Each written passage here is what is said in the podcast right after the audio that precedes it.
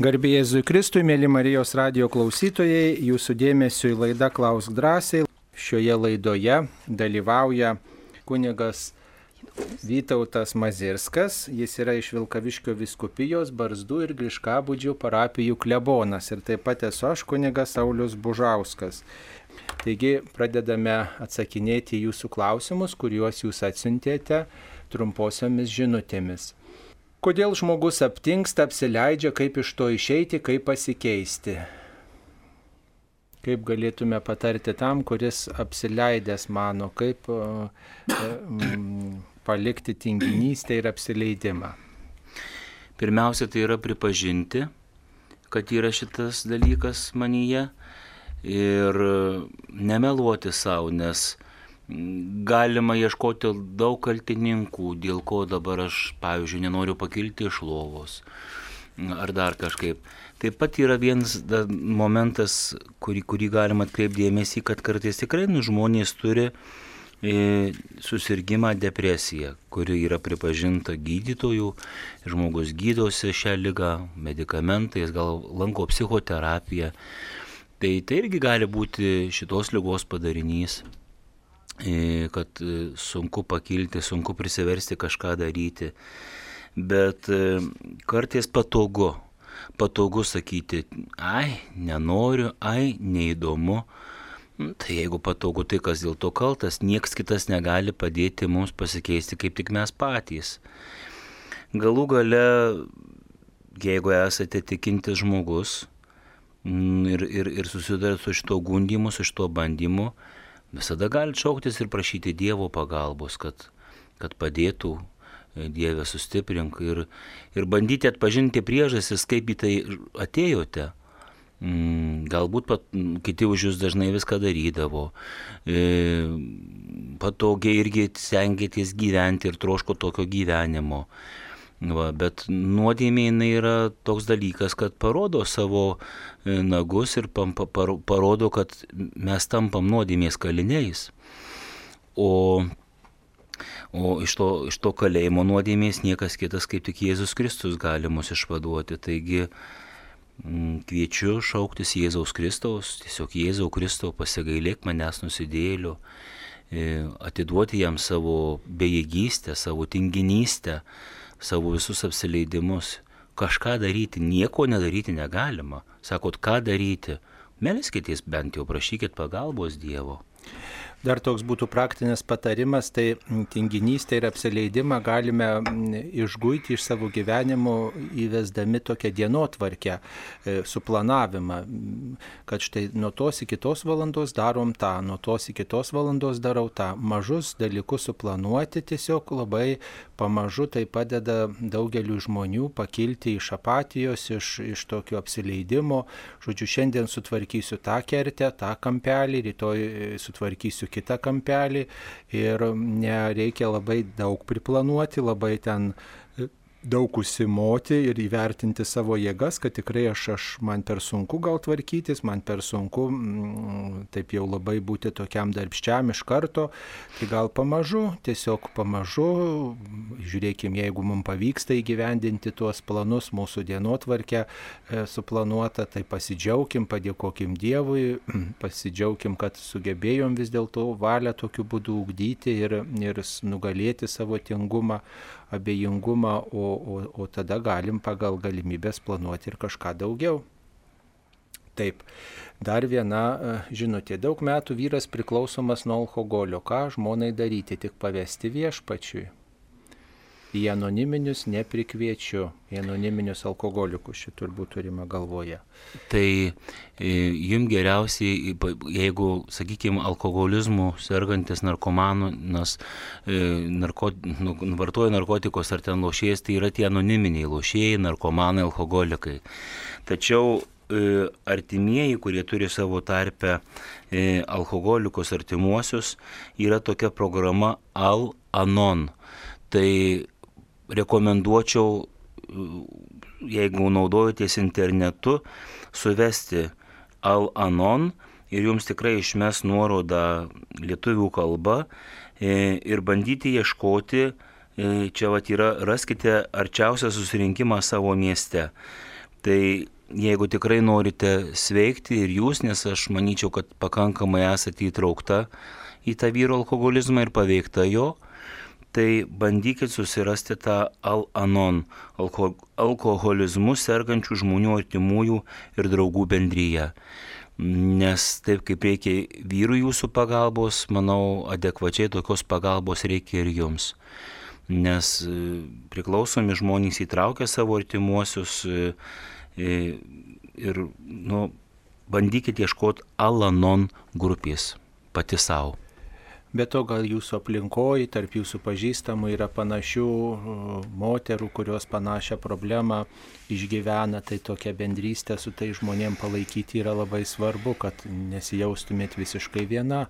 Aišku, remkitės į kitus savo šeimos narius, bendraukit daugiau nu, jeigu pats žmogus nenorės kilti iš alkoholizmo liūno, turbūt niekas kitas jam nepadės. Turi pats žmogus suprasti, kad yra dugnas, kad jis e, kenkęs ne tik savo, bet ir kitiems, kad jo, jo autoritetas krenta kitų žmonių akise ir kad e, žmogus yra savestumėntis į kančią, į, į, į tokį naikinimą ir, ir kad na, gyvenimas tampa pragaru. Ir jeigu jis norės kilti, tai tikrai na, jam pavyks ir, ir tos pastangos visada pasiteisina. Mums paskambino. Klausytoja Vitalija. Taip, Vitalija, klauskite. Garbėjai Kristui. Per amžius. Per amžius. Gailesting, gailestingumo vainikėlis trečią valandą nakties kalbamas ar tiesiogiai, ar įrašas. Na, jeigu yra translia... iš adoracijų, iš adoracijų, kaip pavyzdžiui vyksta švenčiausio sakramento adoracija naktinė ir visą naktį yra transliuojamos maldos, tai tada visada yra, yra gyvai melžiamasi visos maldos. Naktį kai kurie mūsų įrašai yra leidžiami, na, taip pakartotinai, kaip sakant, tai E, tai tokia tvarka, jeigu kas atsirastų, kas, kas norėtų naktį ateiti ir melstis gyvai, maloniai prašome, svarstysim apie tokių sąlygų sudarimą.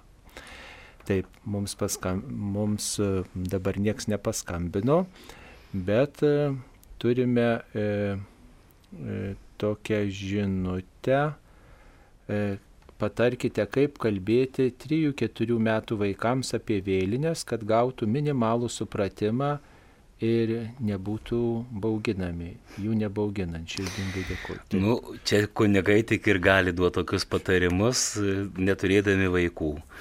E, tai va, tai nežinau. Kunigai yra tėvai, dvasinė prasme, Aha, visi yra nu. vaikai nu. jiems. Nu tai va, įsivaizduokim kunigę Sauliu, kad ateina pas mus 3-4 metų mergaitė berniukas ir klausia, kas yra vėlinys ir kaip mes bandom atsakyti iš tą klausimą.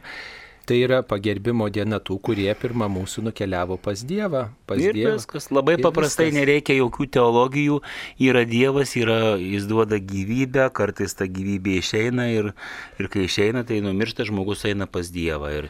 Nu, žino vaikas, kad jis turėjo, turi mamą, turi močiutę, o ta mama močiutė taip pat turi savo mamą močiutę, bet jau dar mūsų močiutės prosenelės ir nu. jos yra jau iškeliavę pas Dievą ir mes prisimenam tuos žmonės žmonės ypatingai tą dieną.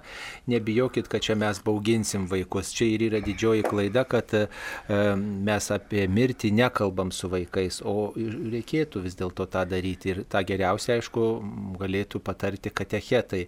Ir, ir yra tokia gerojo ganytojo katechezė, kur ypatingai e, yra su tokiais visokiais, visokiom priemonėm, katechezės apie mišes ir apie, apie amžiną gyvenimą ir apie viltį, apie meilę ir apie tarnystę per tokius konkrečius darbus, būtent per konkrečius ženklus kalbama mažiems vaikams. Tai pasidomėkite, gal jūsų aplinkoje taip pat yra tų gerojo ganytojo katechezių um, tokia praktika, ypatingai prie parapijų tai yra daroma. Taip, toliau žinutė bus tokia. E, norėjau paklausti, niekas man neatsako, kaip yra iš tiesų. Ar žmogus neprieėjęs pirmosios komunijos gali eiti iš pažinties, ar tai yra šventvagiška? Žinot, jeigu toks žmogus tikrai samoningai supranta, ką, ką jis dabar darys, kad jis išpažins, apskritai jis žino, kas yra nuodėmė, ir, ir, ir jisai nu, bent kažkaip žino, Tai vėlgi, kai atsiklaups pas kunigą ir jis tylės, tai kunigas aišku sakys, ką čia darot, kas čia vyksta. Nes būna visokių patirčių mums kaip nuodėm klausių, net ir prie pirmos išpažinties ir, ir bijo, ir baiminasi. Tai be abejo mūsų kunigų kaip nuodėm klausių mm, pareiga padėti ir, ir, žinot, toks žmogus, jeigu ir nueitų iš pažinties, nu, jeigu jis nežino, ką daryti, jeigu jis nesupranta, kas yra nuodėmė, kunigas tikrai supras ir paklaus, ką čia, ką čia veikia žmogau. Tai, bet gali taip nutikti, kad žmogus neprivestas pirmos iš pažinties, bet jis turi labai samoningą supratimą ir tikėjimą jau apie tuos dalykus. Turbūt reikėtų pasakyti, jeigu žmogus ne, nesirengė pirmos komunijos, nepraėjo tų kursų, va, tad galbūt apie tai čia kalbama, tai vis dėlto dabar kaip tik tai yra tas laikas, kai renkamos grupės įvairiuose parapijose e, ir miestuose ir kaimuose, galbūt dekanatuose, dekanatų centruose yra vykdoma suaugusiųjų katechezė. Tikrai nereikėtų bijoti to, bet tai yra nuostabus būdas atrasti bažnyčios mokymą, nuostabus būdas atrasti bendrą bendraminčių ir pasinaudoti šitą galimybę tinkamai pasiruošti. Aišku, kad pirmiausia eina iš pažintis, o paskui komunija. Taip jau tokia tvarka žmogus apgaili savo nuodėmės, pasiruošia ir priima šventąją komuniją, va, kad nebūtų jokių, jokių kliučių priimti viešpati, kuris yra šventas, kad mano širdis kuo atviresnė jam būtų ir kalties visos jam atiduotos. Tai tikrai tą katechezės nereikėtų tos katechezės bijoti net Taip. ir suaugusiam žmogui. Ir ne su vaikais reikės vaikais ten trinti suoluose ir, ir ne su mažiukais sėdėti, ten gal kai kažkas gėdėsi, kaip aš esu paaugliais ar su mažyčiai sėdėsiu, čia mokysiuos poterių. Tikrai yra specialios programos visoje Lietuvoje, patvirtintos suaugusiųjų katechezija ir kaip tik tai nuo rudens, nuo, nuo, nuo, nuo spalio, lapkričio mėnesio, gal kai kur truputį vėliau prasideda tie, tie kursai ir tikrai nesidrovėkit kreiptis ir daug sužinosit šio laikiškai pateiktų klausimų, atsakymų ir, ir ir užduosit savo klausimus, padiskutuosite ir e, jeigu ne jūsų parapijoje, tai jūsų dekanate, jei ne jūsų dekanate, tai e, artimiausia mieste e, tikrai galima surasti pas parapijos kunigą, nesidrovėkit to paklausti. Tikrai, kur čia reiktų suaugusiam žmogui pasiruošti priimti pirmąją komuniją, nu, pasiruošti būti aktyvesniu bažnyčios nariu ir, ir priimti sakramentus. Mums paskambinti.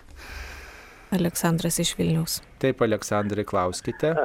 Garbėzu Kristui. Per amžius. Aš norėčiau, kad pakomentuokit paskutinius popiežiaus pasisakymus apie seksualinius mažumus. Gal aš neteisingai supratau.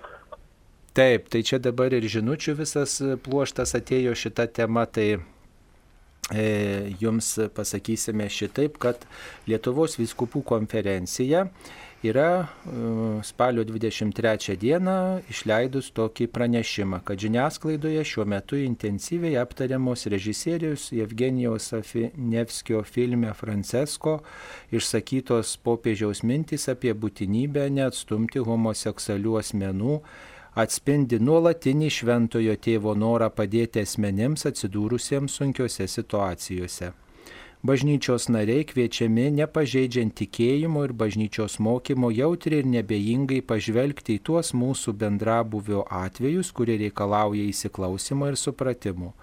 Minėtasis filmas dabartinio bažnyčios mokymo nekeičia. Na tai va, yra toks viskupų, Lietuvos viskupų konferencijos e, komentaras e, šiam popiežiaus pasisakymui. Reikia pasakyti, kad e, tas bažnyčios mokymas, kad šeima yra vyro ir moters sąjunga, kad santoka yra tarp vyro ir moters bažnyčioje galioja ir niekas to nesiuošia keisti.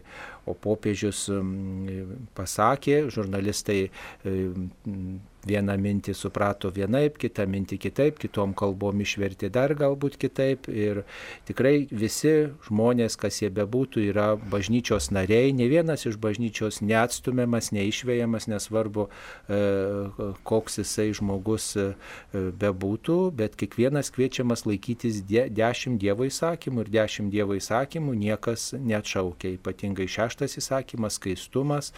Jeigu žmogus jaučia aistrą ar ką, jisai kviečiamas taip pat nu, tą aistrą vis dėlto kažkaip suvaldyti ir, ir ne, taip sakant, nėra niekas, jokia nuodėmė nėra atšaukiama. Ir popiežius gerbė tuos žmonės, kurie, kurie galbūt yra e, turintis e, įvairiausių tokių, e, gal taip sakant, diskriminacijos patirčių, yra atstumti ar, ar, ar jaučiasi kažkaip neįvertinti, tai popiežius juos pastebi, meldžiasi už visus žmonės ir bažnyčios mokymo tikrai nekeičia. O, o, o kas interpretuoja e, žiniasklaidos priemonės, tai čia yra jų reikalas ir truputį toks neatsakingumas ir noras, noras taip sakant, galbūt daryti skandalą ir noras suprasti taip, kaip jiems atrodo tinkama. Bažnyčios mokymas nesikeičia, o popiežius kviečia gerbti kiekvieną žmogų ir gal nepritarti tik taip, kaip bažnyčios mokymas moko to žmogaus elgesiu, kuris gal prieštarauja Dievo įsakymui, prieštarauja Evangelijos dvasiai, taip atsakytume. Čia kitas klausimas yra apie galvos dengimą, kad e, moterys turėtų dengti galvą. Tai katalikų bažnyčioje to nėra dabar griežtai išsakyta, kad moterys privalo dėvėti kažkokią tai skarelę, šalį, kad būtų ateidamos į mišes, į pamaldas e, prisidengę galvas. Pravoslavų bažnyčioje tuo tarpu tekia matyti, kad dažnai moterys ateina iki cerkvės ir jau prieš įeinant į cerkvę apsigobę savo galvas kažkokiu tai gobtuvu, šaliu, skarelė.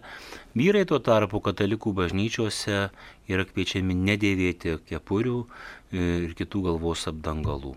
Tai. E, tas e, galvos apdangalas ankstesniais laikais ženklino tokį priklausomybę Dievui. Ir šventam rašte šitą ištrauką, kuri čia nurodyta, pirmas laiškas korintiečiams, 11 skyrius, e, kad galva dengiama tam, kad mes na, tokiu būdu išreikštume, jog nesame niekieno, kad mes priklausom Dievui, o moterų galvos dengimas siejama su tuo, kad moters plaukai yra jos moteriškumo išraiška, yra jos grožis ir bažnyčioje gal ne vieta demonstruoti e, grožį, e, savo, savo išvaizdą puikuotis, kad bažnyčioje, bendruomeniai yra laikas melstis, yra maldos vieta, yra bendros maldos vieta ir mūsų išvaizda, mūsų, mūsų grožis, mūsų e, iš, iššaukiantys rūbai yra tikrai net, ne, netinkami tam, kad mes netrikdytume kitų dalyvių. Tai dėl to būdavo toks paprotys ir, pavyzdžiui, žydai tebe turi tą paprotį dengti galvą ir moteris ir, ir, ir, ir sakykime, stačiatikių bažnyčioje tas paprotys yra išlikęs, bet pas mus jo nėra. Taip. Čia yra klausimas, kad kunigas žinodamas, krikšta, kad krikštatėviai yra bus išsiskyrę ir gyvena susidėję, tam neprieštaravo, ar sakramentas galioja. Sakramentas tikrai galioja, tačiau mm, tai yra kunigo aplaidumas, ypač jeigu jisai žino e, krikštatėvių gyvenimo statusą, tai čia yra jau kunigo aplaidumas ir krikštatėviai, e, jie nėra teisėti šiuo atveju. Juos galima įvardinti tik kaip krikšto liudytojais. Tai bet kokiu atveju hm, jie negali vadintis krikštatvėjais pagal bažnyčios teisę. Nu, galbūt jie, jie susituoks, jeigu jie... Bet matot, abu nėra... yra įsiskyrę, rašo. Nu, galbūt, žinot, ta, tas skirybos gal, gali tiesiog kreiptis į bažnytinį teismą Taip. ir jų tos ankstesnės santokos gali būti pripažintos negaliojančiomis. Tai tiesiog reikėtų, reikėtų tiesiog pasikalbėti su tais krikštatėviais ir galbūt jie, kad ir jau atsitiko tokia situacija, vis tiek jie gali nu, pasistengti rūpintis atsakingiau krikščioniškų gyvenimų patys ir, ir tiesiog samoningiau rinktis tik tikėjimą ir pabandyti spręsti savo situaciją. O net jeigu ir nėra kaip kreiptis į bažnytinį mm, tribunolą, jeigu net ir pripažintų jų ankstesnės santokas galiojančiomis, jie vis tiek išlieka bažnyčios nariai ir kviečiami turbūt e, na, gilinti savo tikėjimą. Ir yra daugybė tų porų, kurios antrą kartą susituokė, bet jos nori būti aktyvūs bažnyčios nariai ir tikrai yra tų būdų e, ir bažnyčia skiria tam dėmesį ir, ir yra grupelės atitinkamai ir, ir tos tikėjimo ūkdymo visokios praktikos, kur tikrai galima gilintis ir, ir mm, bandyti, bandyti nenutolti nuo autentiško krikščioniško mokymo. Mums paskambino. Zofija iš Klaipėdos. Taip, Zofija, klauskite. Garbėdį Kristai. Per amžius. E, sakykit, aš, nu, žodžiu, esu nematant. Ir jeigu yra, nu, turi kalvarijos kalnus ar ne, arba, nu, ir visų šventų ten litanija yra, nu, tam meldiesi, a yra gaunami atlaidai, jeigu meldiesi kartu su įrašais. Nes, nu, kaip nuskaitytai nematai.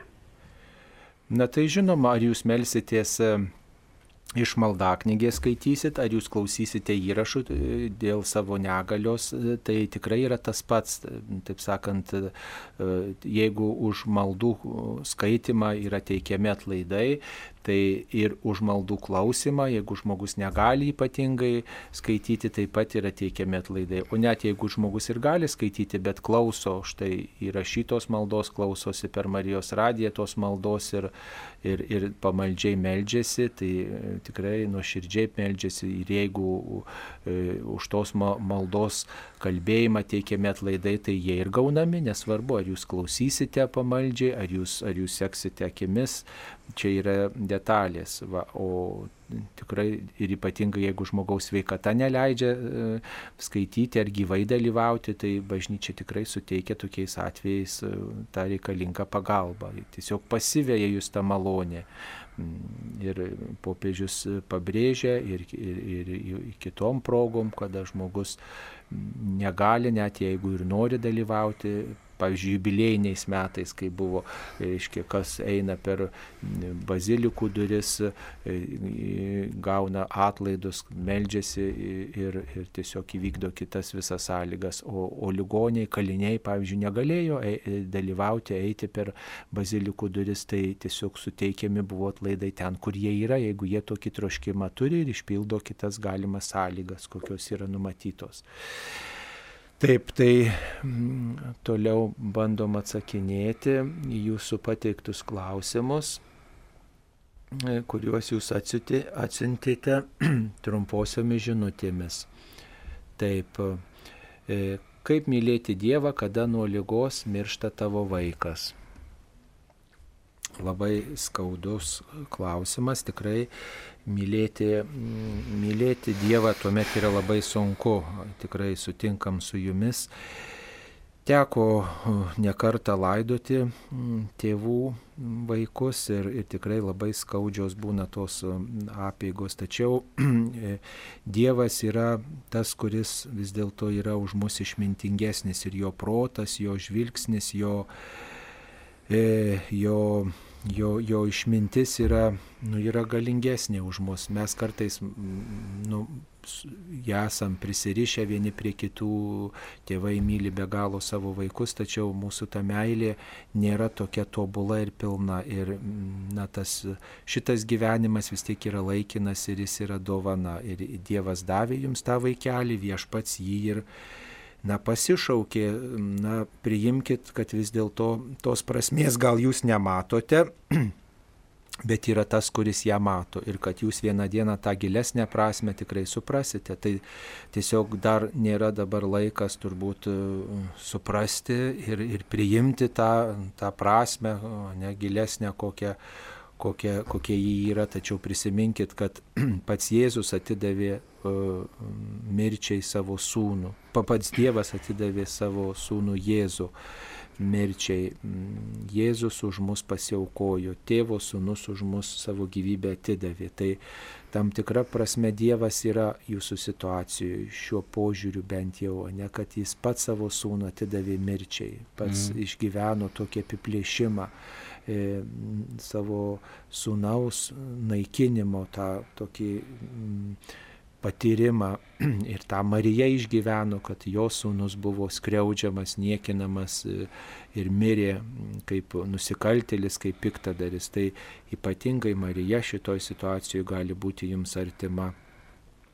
Ir e, tiesiog taip patartume, tikrai prašykit viešpaties išminties, prašykit viešpaties dalyvavimo jūsų situacijoje, paguodos ir ko galim jūsų vaikui linkėti, tai Dievo artumo, to ir jūs linkėkite, tai yra geriausiai, ką galime padaryti, linkėti Dievo artumo, linkėti Dievo paguodos mums visiems tokioje situacijoje. Aš norėčiau tik pantrinti kunigui Sauliui, kad Vat neseniai ketvirtadienį teko kalbėti Alfa kurse tema, kodėl Jėzus mirė.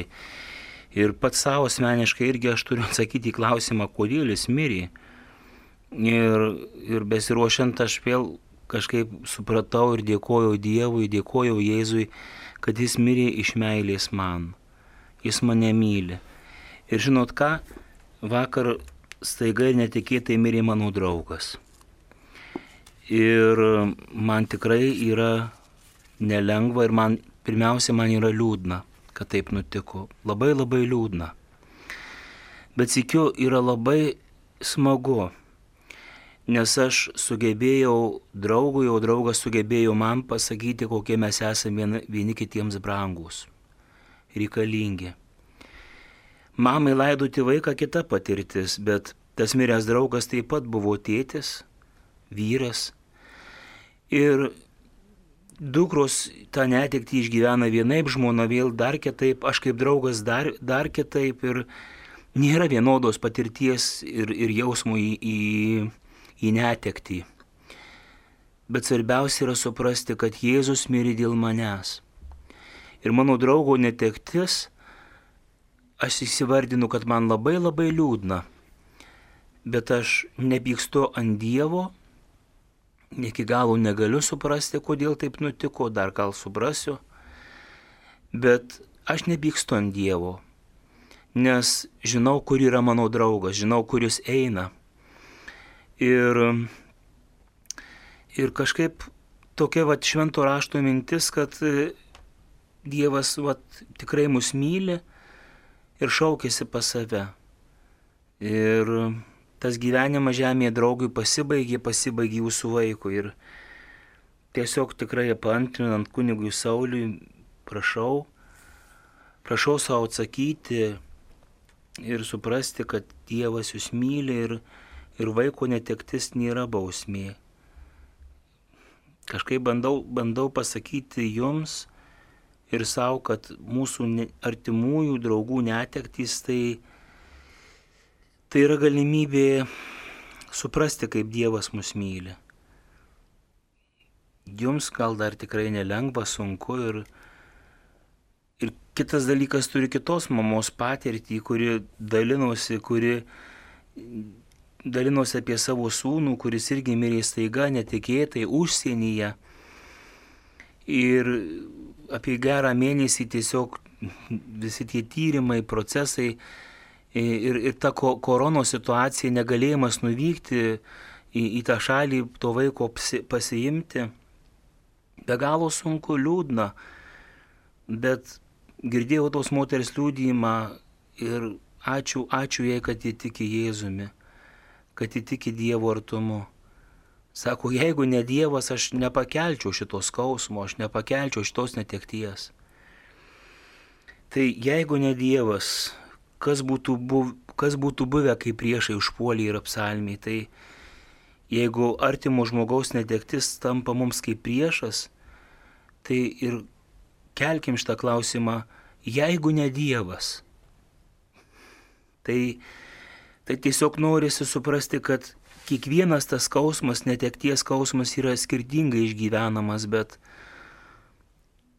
už viso to stovi Dievas ir, ir tik jis gali tą skausmą išspręsti, ir tik jis gali tą skausmą pasiimti, jis, jis gali tą skausmą panaikinti.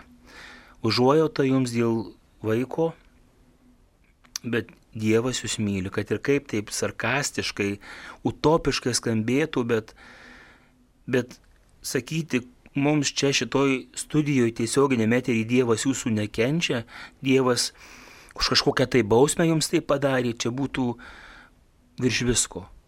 Dievas jūs myli. Taip mums paskambino. Antanas iš Alytaus paskambino. Klauskite, prašau.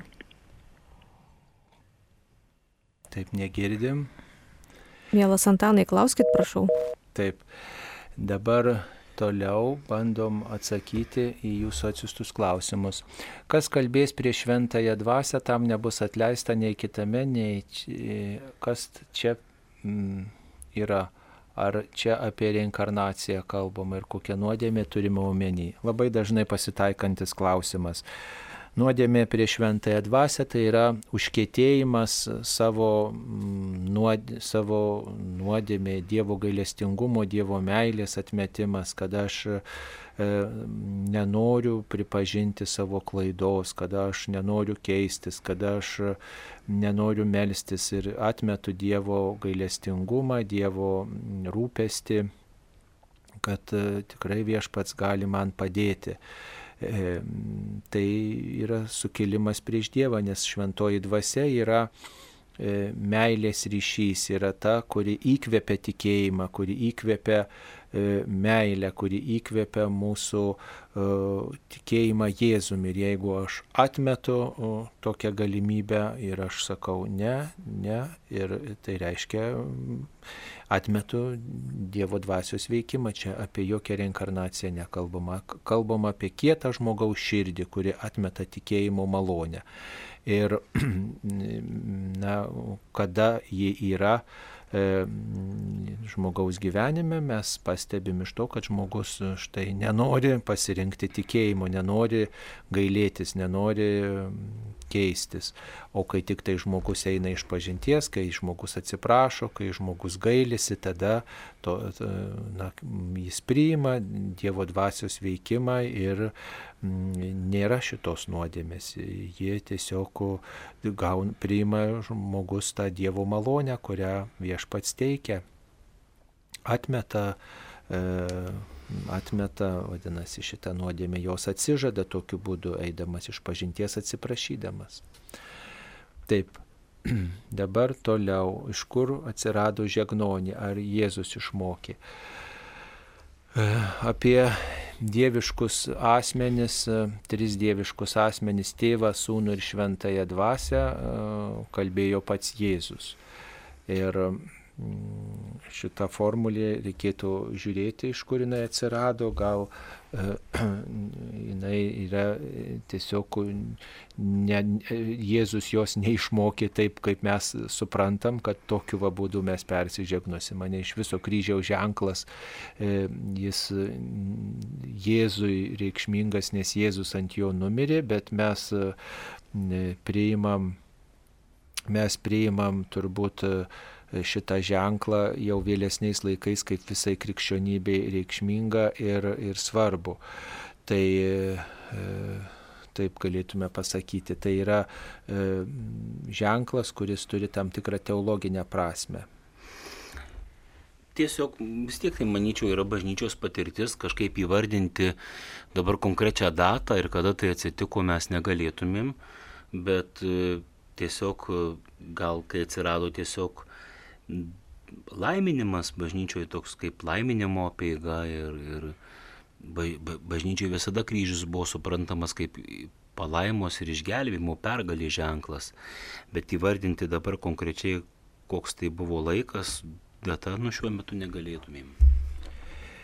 Dar čia apie žegnonę, kad yra ir žodelis tai vardan Dievo tėvo ir sunaus ir šventosios dvasios. Toks yra oficialus žegnojimasis, formulė tokia, ji yra užrašyta bet kokioj maldaknygiai, tą galite rasti. Ir žodžiu, čia dėl žodelio ir e, tėvo, sun, vardan Dievo tėvo ir sunaus. Siūloma, e, žodžiu, apie tą ir svarstyti. Tai e, mes pabrėžiam, kad yra trys asmenys žegnodamiesi E, bet tas pats Dievas tėvas, tas pats Dievas sunus ir tas pats. Bet tai, kad čia sako, esame įpratę sakyti vardant Dievo tėvo, sunaus ir šventosios dvasios. Nu tai, kad ne, tai aš visada sakau, ir oficialiai parašyta net ir maldaknygė vardant Dievo tėvo ir sunaus ir šventosios dvasios. Taip, dabar dar žinutė apie šizofreniją. Kaip elgti su sergančiu broliu Šizofrenija jis nuolat niekina, žemina ne tik mane, mano šeimą ir visus aplinkinius. Psichologai, psichiatrai mums nepadeda. Na, čia žinot, tikrai kunigai mes irgi nesam e, specialistai, ką reiškia nepadeda. E, kaip, kaip jie nepadeda, gal va čia irgi tiesiog, va, tai kodėl mes turim padėti, jeigu mes nesam psichiatrai ir psichologai tikrai kartais į kunigus kreipiasi tokiais klausimais, kur mes net neturim autoriteto ir, ir kompetencijos. Šizofrenija yra psichologinė lyga. Jūsų artimasis nėra kaltas dėl to, ką išneka ir kaip jis elgėsi ir ką jis daro, nes jis tai daro iš lygos, jis net yra nepakaltinamas. Tai mūsų tik toks gali būti atsakymas, o kad psichologai ir psichiatrai nepadeda, tai neturiu ką pridėti. Nu, čia turbūt daugelį, daug visokių dalykų gali būti, kad e, ar tikrai tas žmogus, e, tas gydimas jam yra, taip sakoma, pritaikomas, ar tikrai, reiškia, jis vartoja vaistus tas žmogus, e, gal tie vaistai netinka, ar tikrai reguliariai vartoja vaistus ir panašiai. Taip pat reikėtų pasitarti turbūt gal ir su jūsų viskupijos egzorcistu, ar tikrai gal yra ir kitos, mm, taip sakant, priežastys tos lygos, kuri kamuoja žmogų. Taip dabar apie klausimas apie Dievo žodį kurtiesiems. Ar yra galimybė girdėti Dievo žodį kurtiesiems per mišes?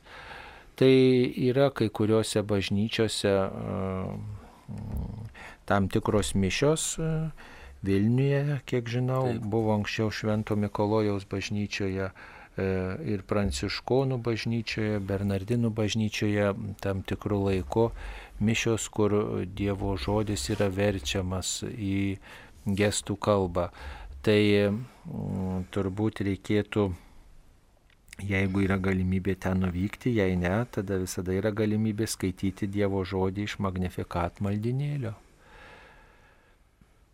Taip, ką daryti, kad žmonės suprastų, kad pagarbiai šventą komuniją priimtų į rankas tenka pastebėti, žmonės komuniją įsideda į burną eidami, bėgdami per bažnyčią, jau aiškiai pasakyta, metras į šoną ir kunigui matant įsidėti į burną, kada Lietuvo auks iki samoningumo. Gal bažnyčioje tiesiog reikėtų kas kartą priminti ir tiesiog dalinti į burną. Aišku, čia man atrodo, kad e, turima konkreti parapija, konkreti bažnyčia. Tai jeigu tokius dalykus pastebite, nes įvardinote labai teisingai, kaip turi būti priimama komunija į rankas. Tai jeigu pastebėjote, e, kad netinkamas komunijos į rankas prieimimas vyksta konkrečioje bažnyčioje, geriausia informuoti tos bažnyčios kleboną, tai jeigu rektoratas rektorių, ir pasakyti, kad tai esat pastebėję ir paraginti, padrasinti tos bažnyčios ar rektorato kunigus, kad vis primintų, kaip teisingai ir pagarbiai priimti šventą komuniją į rankas. Tai jūs esat visiškai teisus, mielas klausytojau, kad e, žmonių samoningumas šitoje vietoje turi kur aukti. Ir e, tikrai reikia pagarbos švenčiausiam sakramentui. Čia yra tikėjimo klausimas. Jeigu žmogus štai priima tą komuniją kaip eilinę duoną, tai aišku, kad jisai niekada mm, neturės tos pagarbos tokios, ar ne? Bet jeigu žmogus tiki, kad tai yra Dievas ir tik, kad tai yra jo viešpats, jo šeimininkas, tas, kuris teikia jam visas dovanas, tas, kuris jį teis laikų pabaigoje, tas, su kuriuo jisai susitiks veidas į veidą, o dabar štai sakramentiniu būdu priima, kad tai yra asmuo, kad tai yra e, kaip pats brangiausias asmuo mano gyvenime, tai tada ta laikysena keisis. Aišku, kunigai gali daugiau apie tai kalbėti, gali tą pagarbą labiau parodyti, atskleisti, bet, žinot, va čia ir yra žmonių toks kartais abejingumas, kuris e, turėtų būti iš mūsų gyvenimo išgyvendintas, nes abejingumas yra tikrai tas drungnumas, kuris mus e, nuo Dievo atitolina, kuris neskatina atsivertimo, neskatina meilės Dievui nei artimui. Ar mūsų Dievas gali paveikti sunkios lygos eigą ir kiek metų reikėtų melstis, kad tai įvyktų? Skaičiaus nėra, nenurodysiu, mėla Jadvyga, skaičiaus kiek metų, kad tai yra įvyktų. Čia nėra magija, kad štai tiek metų melskis ir pavyks tau. E, tai yra mm, ištikimybės dalykas e, malda ir mm, kiek metų reikia melstis šitą, klauskit paties Dievo, ne kiek man reikia melstis viešpatie, kad mano lyga keistusi.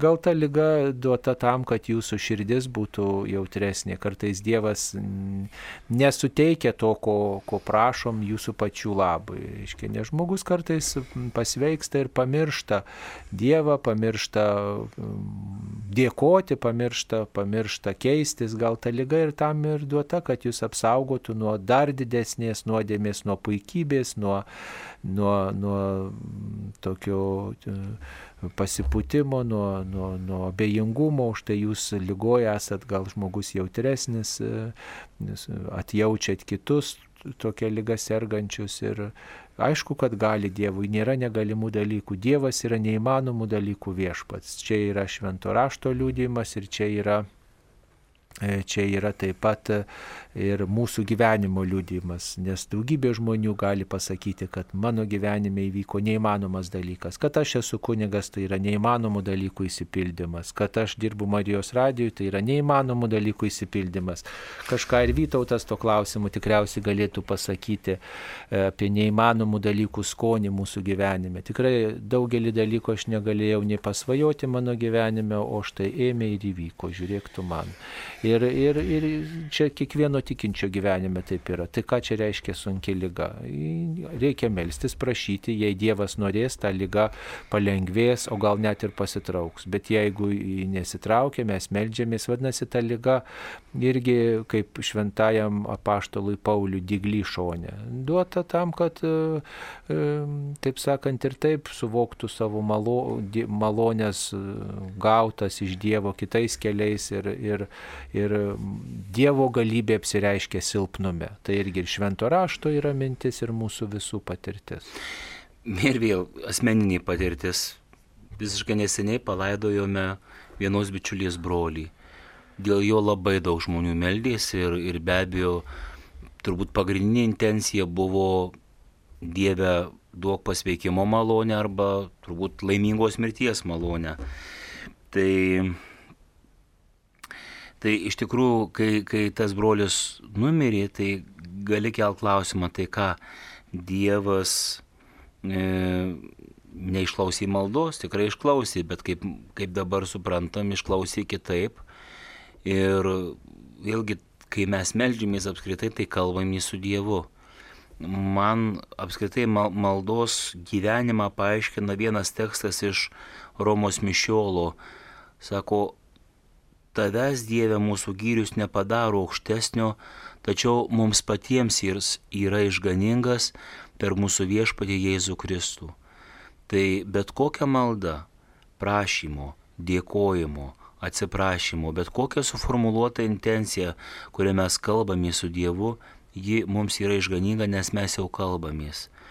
Kad kartais nevyksta to, ko melžiame, e, gal neteisingai prašome, tačiau ta malda kiekvienu atveju jinai teikia jau tą malonę, kad aš tai darau dėl to, nes aš Dievę tavim tikiu. Aš tavim pasitikiu, aš su tavim kalbuosi. Taip mums paskambino. Birutė iš Marijampolės. Taip, Birutė, klauskite. Gerbėjai Kristai. Per amžius. Amen. Aš norėjau paklausti, kad, kad yra, nu taip toksai sakymas, kad Dievas sako, kur du trys susirenka, meldžiasi, ten yra su jais kartu. Aš, pavyzdžiui, gyvenu viena ir aš meldžiuosi su Marijos radiju, visus rožančius vėldžiu, visas maldas stengiuosi klausyti ir, ir aš, tai, tai reiškia, ir aš įsivaizduoju, kad su manimi meldžiasi tūkstančiai žmonių. Tai ar čia tas pats, kas, ar, ar aš skaitosi vis tiek pavieniui, tik tai meldžiuosi, kadangi aš vienas savo kambarį tik vieną meldžiuosi. Taip, visiškai jūs teisingai mastote, tai yra, tai yra tas pats, aišku, tas gyvas susirinkimas visuomet yra santykis, yra, yra, yra ben, tokia gilesnė ta bendrystė, už tai ir mes ir į mišes renkamės, ir, ir į maldos susirinkimus renkamės, tačiau Marijos radijas e, kalbina tuos žmonės, kurie yra vieniši ir, ir tiem vienišiem ligoniam, keliaujantiem žmonėms, skubantiem žmonėms padeda tą bendrystę išgyventi. E, taip, jūs jeigu namuose melžiate su Marijos radiju, taip jūs melžiate su tūkstančiai žmonių, su šimtais tūkstančių žmonių Lietuvoje, kurie klausosi Marijos radijo ir išpildote mm, Jėzaus mato Evangelijoje 18 skyriuje užrašytus žodžius, kur du ar trys susirinkę mano vardu ten ir aš esu tarp jų tai esat kartu su tai žmonėm ir, ir, ir, ir tokioj vienoj dvasioje melžiatės, vienoj nuotaikoje, bet kai tik tai galimybė yra melstis su šeimos nariais, kai tik tai galimybė yra dalyvauti mišiuose gyvai, visada tą galimybę pasinaudokite, kai e, tas, ta, tas virusas štai dabar sunkumus mums kelia, tačiau tas virusas netruks amžinai, e, tikrai nepripraskim prie šitos situacijos ir gyvai kaip tik tai bus galimybė dalyvaukim ir maldos susirinkimuose.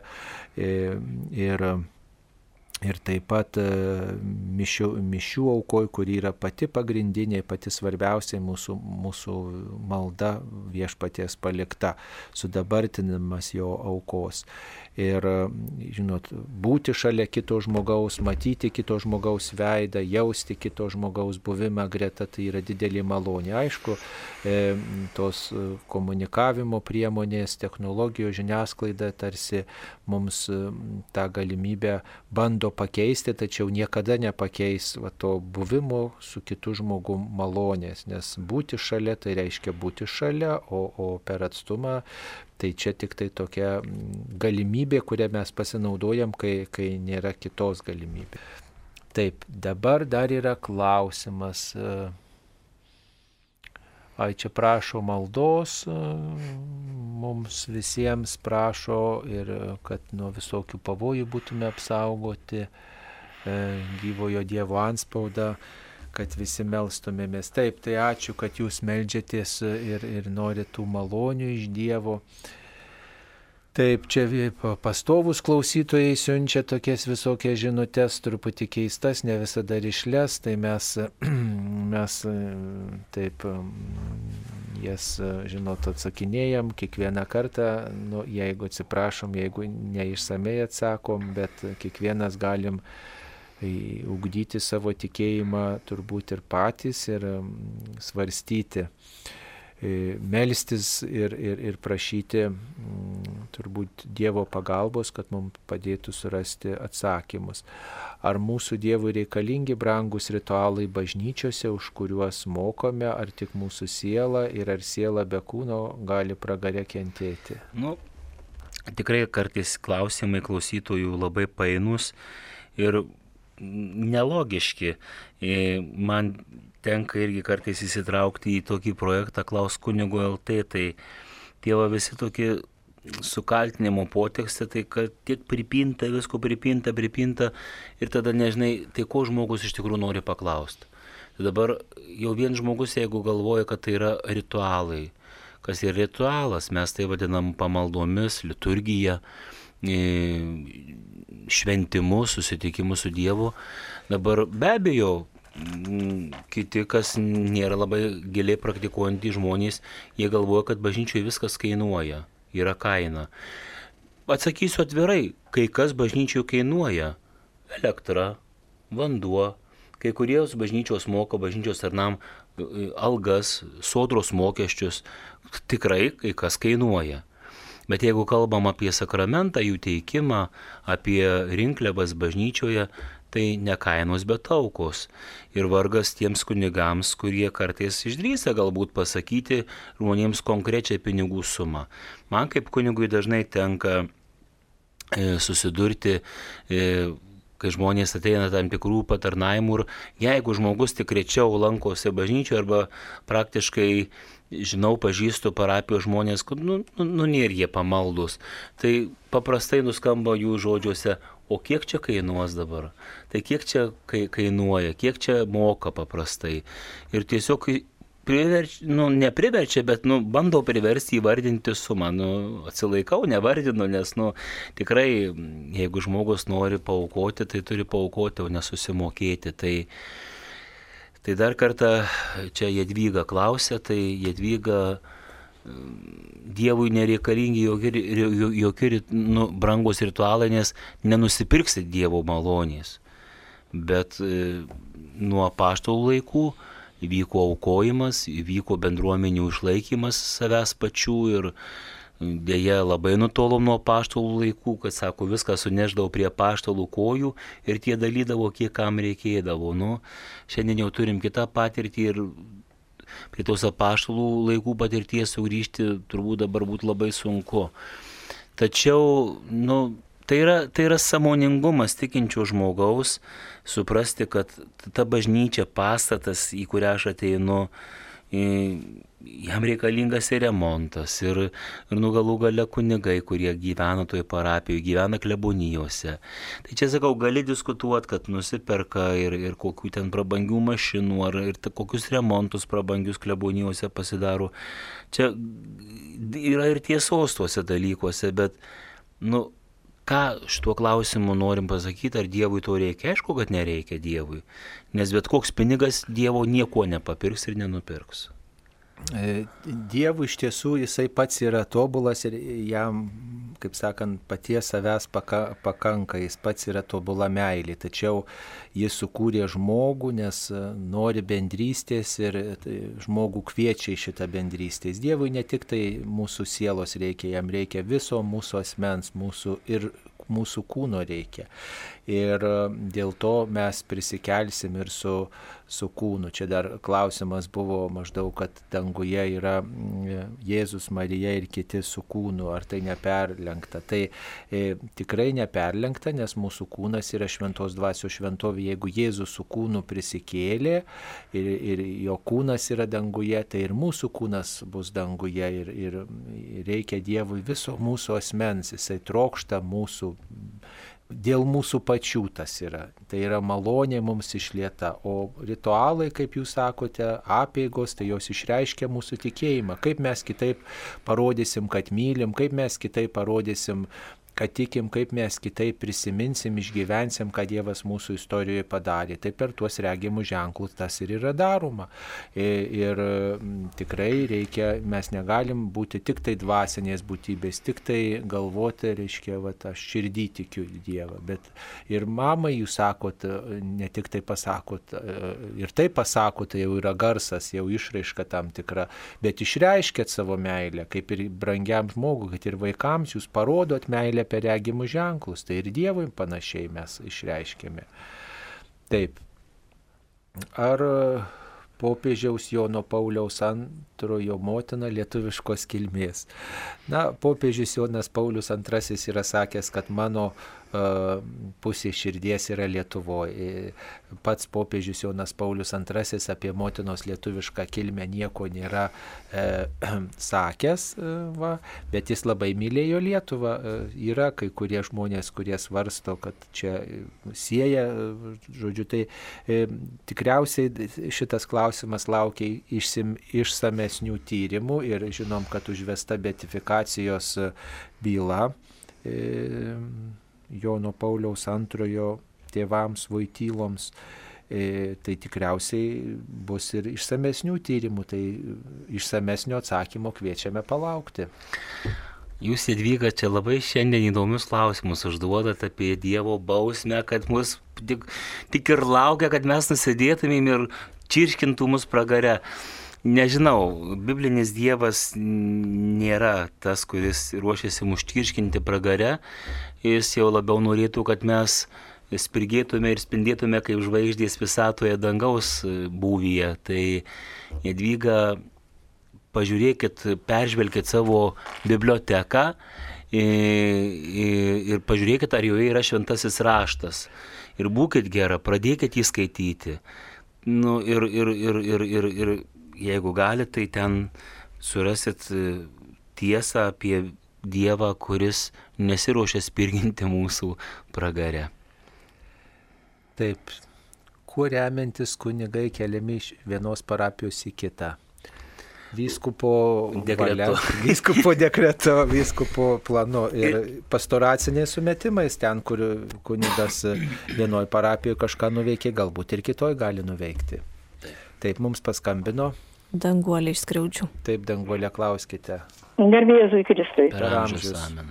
Aš norėčiau paklausti tokį klausimą. Aš gavau, reiškia, voką laišką su Fatimo iš Krikščioniško kultūros instituto.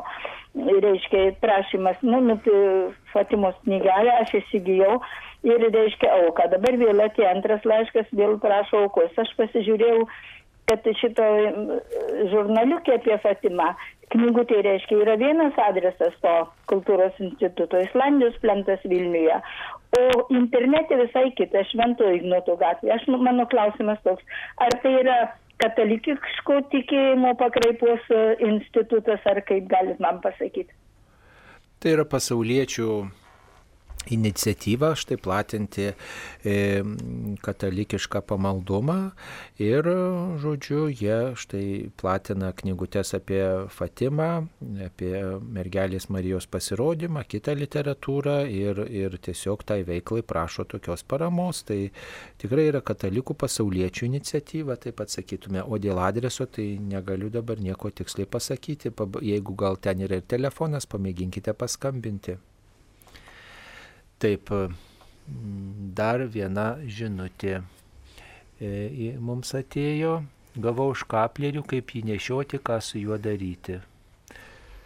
Dabar kažkaip, nu, tikrai ne, nesusidurėm su ta tokia praktika, kad būtų įrašymas į kažkokias škapleriaus brolyjas. Paprastai tai nutikdavo prieimus sutvirtinimo sakramentą. Škaplerių tikrai nešioja visos, ne visos, bet tam tikros vienuolijos, ypatingai karmelitų vienuolyje. Nu, čia tokia laikoma kaip skydas, kaip apsauga e, nuo, nuo velnio gundimų, nuo polimų. Tai vėlgi tegul pirmiausia tas škaplerius būna palaimintas, reikėtų įsiaiškinti, ar jis yra palaimintas. Jeigu ne, nueikit į parapijos bažnyčią, paprašykit, kad kunigas palaimintų už kaplerių. Taip pat jo nešiojimas turėtų pirmiausia teikti Dievui garbę ir neturėtų būti amuletas, kad jau dabar va mane apsaugok viešpatį, nes vėlgi škaplerius gali priminti ir krikšto rūbą, kuriuo esu aprengtas savo krikšto dieną kaip malonės drabužiu kaip esu apiltas pačiu Kristumi, tai škapleriaus nešiojimas gali tik tai būti liudijimas, kad jūs pritarėte šiai tiesai ir kad jūs džiaugiatės, kad, kad esate ap, apvilktas Kristumi.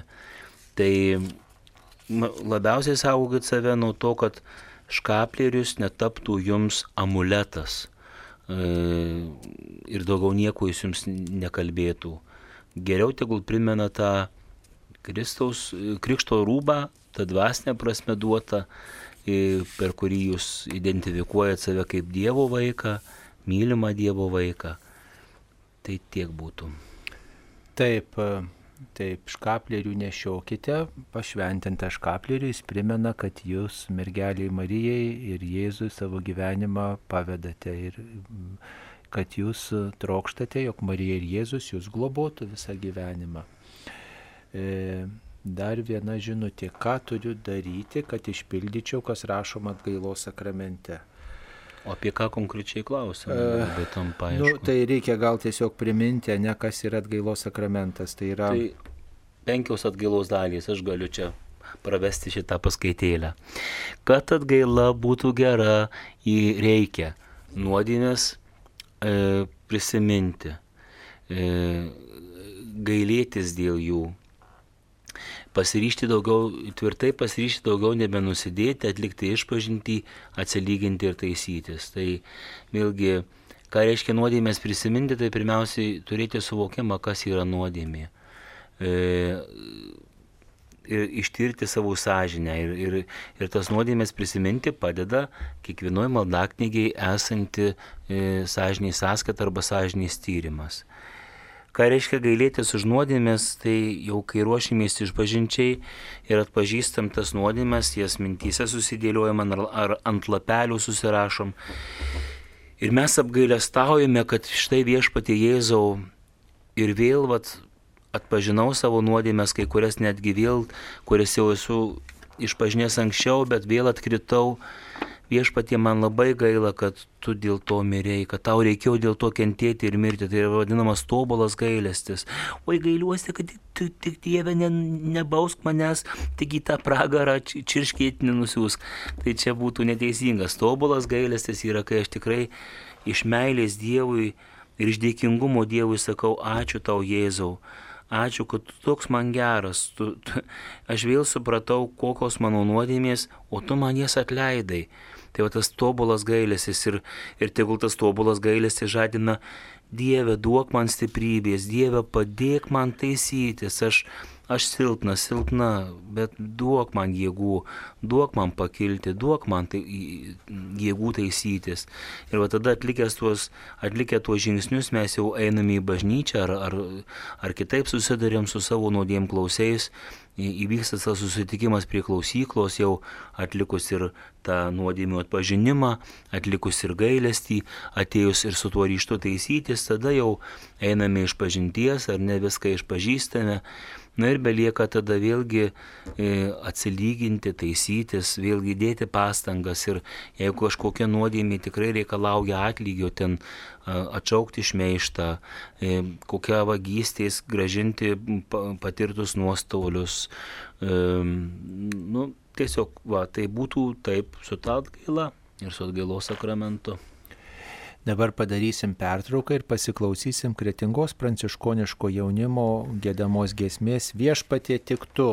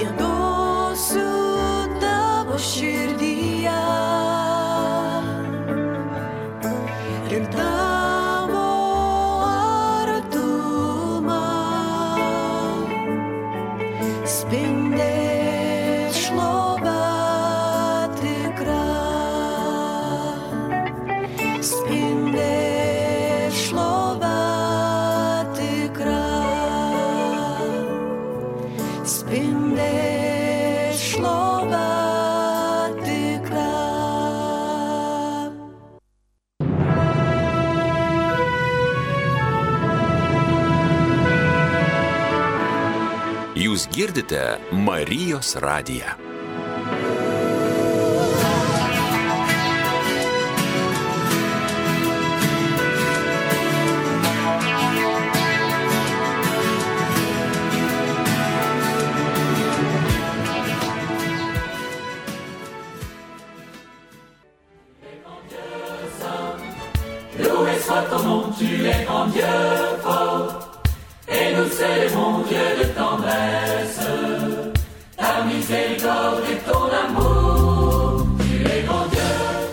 Pokalbių laida Klausk drąsiai.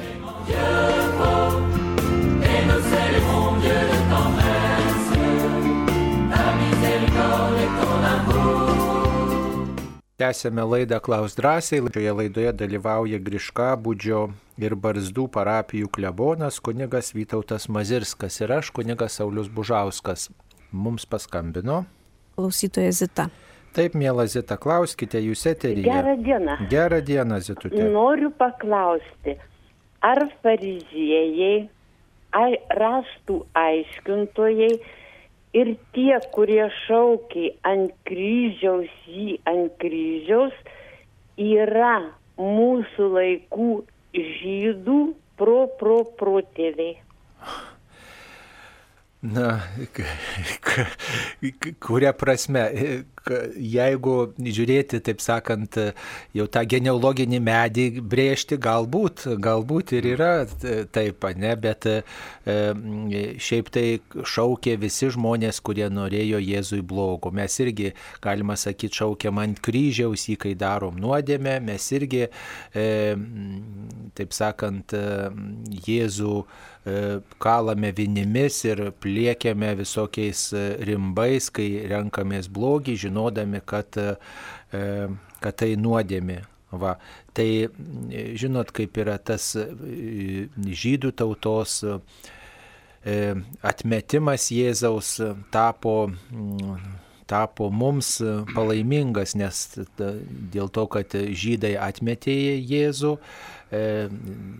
Jėzaus žinia, žinia apie tikėjimą pasklido į kitas, į kitas šalis ir mes tapome taip pat krikščionybės dalininkai. E, Jėzaus žinios gavėjai.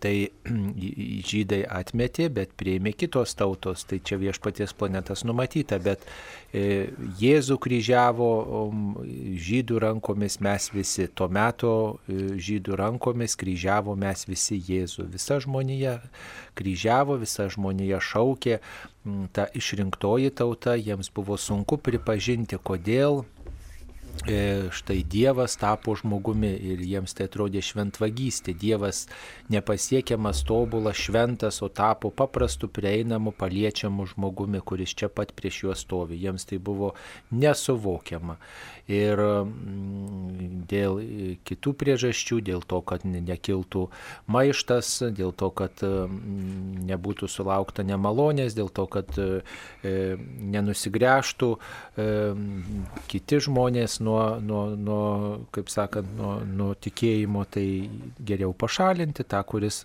atrodo kaip maištininkas tai tiesiog atmestas Jėzus, bet atmetė ne tik tai ta tauta, bet atmetė visa žmonija. Kaip ir Adomas nusidėjo vienas, bet, taip sakant, Adomas ir Jėva gali sakyti, jie nusidėjo, ko čia mes dėti, bet mes paveldime šitai.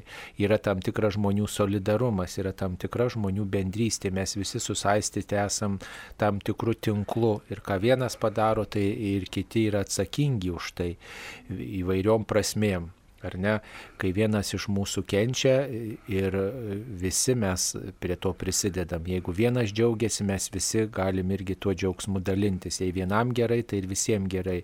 Štai šita pandemija tą puikiai parodo, kai vienas serga, tai ir ir kitiem kyla pavojus, ne, ir, žodžiu, mes visi nepaprastai susiję esam, nepaprastai e, turim ryšius gilius ir štai sakyti, kad ten kažkas kažką padarė, tai čia yra jo reikalas. O, kaip sako žmonės, kas prie to privedė tą žmogų, e, kas turėjo tam reikšmės, tai daugybė žmonių, ne, ir, ir vieno žmogaus nelaimė tai yra visos žmonijos nelaimė, vieno žmogaus džiaugsmas yra visų žmonių džiaugsmas. Kuo anksčiau tai suprasim, tuo bus geriau.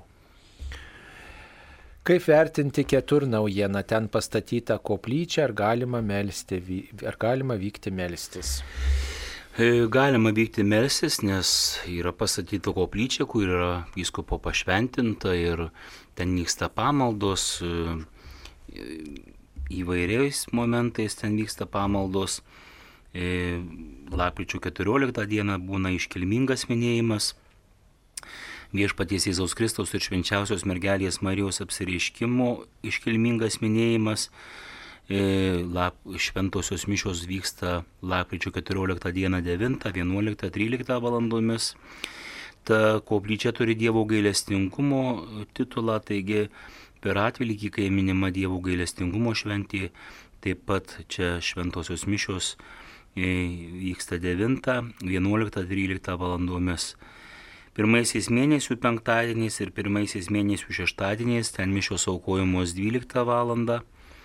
Paskutiniais mėnesių šeštadieniais prieš paskutinius mėnesių sekmadienius e, po jų vyksta, e, tai yra mišios aukojamos 17 val. o po jų vyksta naktinė duracija.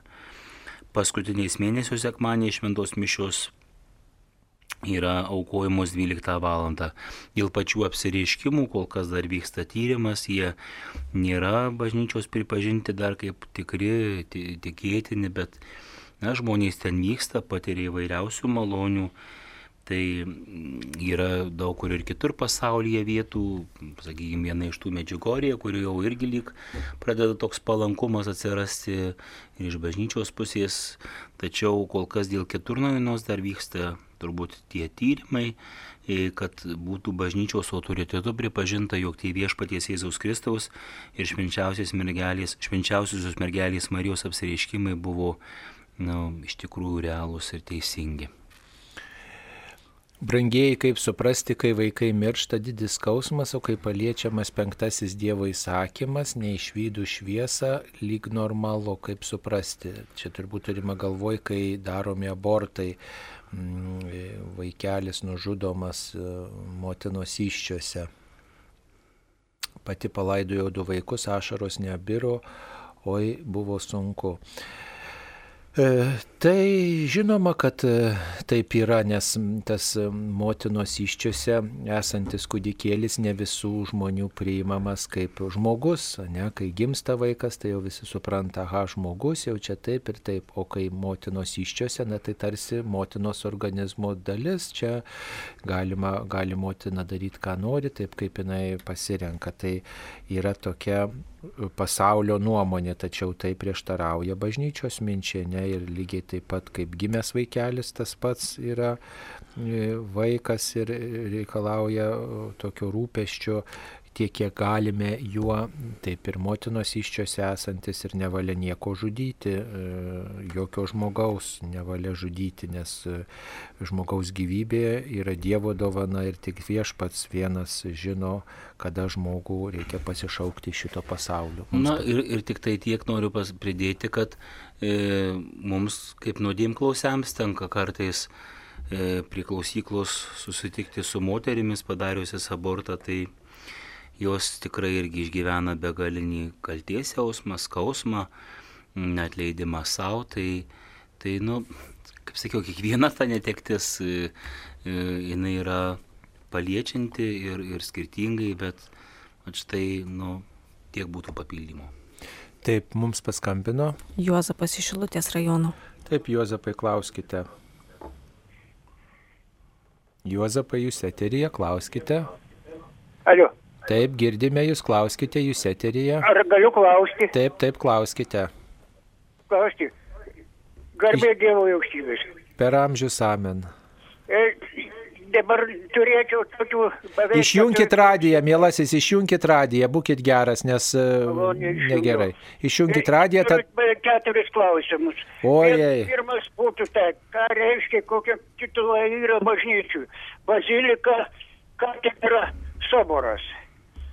Antras būtų klausimas, ką reiškia aleliuja. Mes visą laiką girdim ir aš 83 metų lankau bažnyčią, esu katalikas ir labai klausausi Marijos radijai. Noriu sužinoti, ką reiškia aleliuja. Taip. Trečias klausimas būtų visada litanijos, žemaitis, kalvarijas gėdam litanijos, yra Kirija leisim, Kristą leisim. Ką tai reiškia?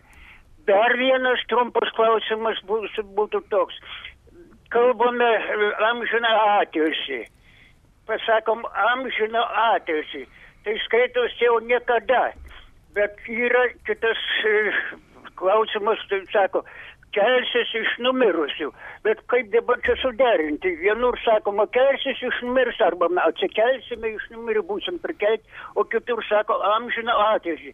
Tai skaitos amžino, amžino, tai aš kiek suprantu, skaitos niekada. Malonu klausysi jūsų atsakymų. Garbė Dievui aukštybėse. Gerai, ačiū Jums, mielas Juozapai, kad taip domitės, kad klausote, šaunuolis, bravo, aleliuja. Tai dabar ir pabandysim atsakyti. Taip. Dėl tos bazilikos į katedros ir soboro aš pabandysiu atsakyti iš tą klausimą. Tai bazilika yra pailgos tačiakompio formos, katalikų bažnyčia dažniausiai turi tris navas. Nava tai yra, įsivaizduokit, einat į bažnyčią matot centrinę jos erdvę, bet taip pat šonuose, taip pat kolonom atskirta yra irgi kairiai, dešiniai irgi siauresni tarsi tokie takai.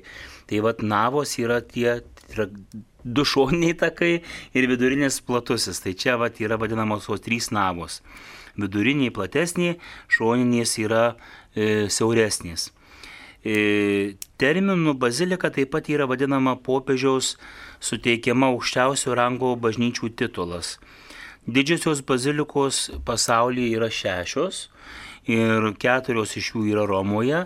Tai yra pati Švento Petro bazilika, Laterano bazilika, Švenčiausios mergelės Marijos e, bazilika Ir Pauliaus. ir Švento Pauliaus bazilika. Tai ir dvi yra Asyžiuje. Pavadinimu tai turbūt Pranciškaus ir kokia kita, ne, tiksliai dabar neatsimenu. Ir daugiau negu pusantro tūkstančio bažnyčių pasaulyje turi mažosios bazilikos titulą.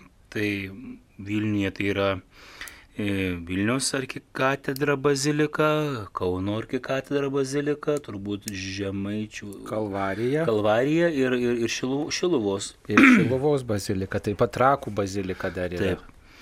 Tai bazilikos tipo bažnyčios ketvirtam amžiui dažniausiai būdavo kryžiaus formos, o nuo devinto amžiaus kryžiškojo kupolinio plano, nuo, 9, am, nuo 11 amžiaus bazilikoje pradėti mūryti skliautai. E, tai bazilikos gali priklausyti įvairiems architektūriniams laikams - bizantiniai, romaniniai, gotikiniai, renesansiniai ir barokiniai. Tai vad bazilika yra aukščiausio rango e, bažnyčia, kuriai suteikė tą titulą popiežius. Dar kartą priminam, šešios didžiosios bazilikos yra Italijoje, keturios Romoje, dvi Asyžiuje ir daugiau negu pusantro tūkstančio mažųjų bazilikų visame pasaulyje. Dabar atsakant į jūsų klausimą, kas yra katedra. E, dabar e, katedra tai yra vyskupo sostas ir nu, ne kiekviena katedra gali būti bazilika. E, tai viskupijos centras, pavyzdžiui, labai įdomi situacija yra su, su Vilkaviškio viskupija, E, kai buvo antras pasaulinis karas, buvo sugriauta Vilkaviškio katedra, viskupų rūmai ir kurį laiką Vilkaviškio viskupija valdė Kauno valdytojas, o paskui, kai vėl mm, Vilkaviškio vyskupu tapo vyskupas Juozas Žemaitis, jis gyveno Marijampolė ir tuo metinį ir dabartinį esantį Švento Arkangelo bažnyčia tapo tarsi tokiu kaip vyskupo sostu, bet buvo 99 metais pasta, jau pastatyta ir konsekruota Vilkaviškio katedra. Tai vėl šita, šita katedra yra Vilkaviškio vyskupo sostas, nors pats vyskupas reziduoja ir visos kūriai pavaldžios institucijos yra Marijampolėje. Tai būtent e, katedra yra e, vyskupijos centras. Tai gali būti katedra ir katalikų bažnyčių, ir anglikonų. O vad soboras, kur jūs paklausėt, kad, kas yra soboras, tai soboras yra stačiatikių bažnyčios katedra. Taip iš rusų kalbos sobor susirinkimas. Susirinkimas, tai. Nu tiesa, Marijampolės baz... e, šita Irgi mažoji bazilika. Taip. taip, taip. Na va, tai dabar kiti jūsų klausimai. E, tai yra žodis aleliuja, vartojamas liturgijoje, atėjęs iš e, žydų liturgijos, hebrajiškas žodis turbūt reikštų garbinkim, šlovinkim Dievą. E, sudarytas iš kelių hebrajiškų žodžių, bet išreiškia tokį kvietimą šlovinti Dievą ir to Dievo šlovinimo tokia forma. Ir kadangi tas žodis na, taip toks talpus, jis perimtas, perimtas taip pat ir krikščionių žydų liturgijos, nes mes tą patį Dievą garbinam visi drauge ir džiaugsmingai tą darom su dėkingumu, su meile, garbinam viešpatį ir ypatingai, reiškia, prieš Evangeliją e, tą šūksnį šaukiam, nes garbinam viešpatį, kurio žodį čia pat girdėsime. Kyrie leison, Kriste leison, tai yra mm, mm, lotinizuoti graikiški žodžiai, kurie reiškia viešpatie pasigailėk, Kristau pasigailėk.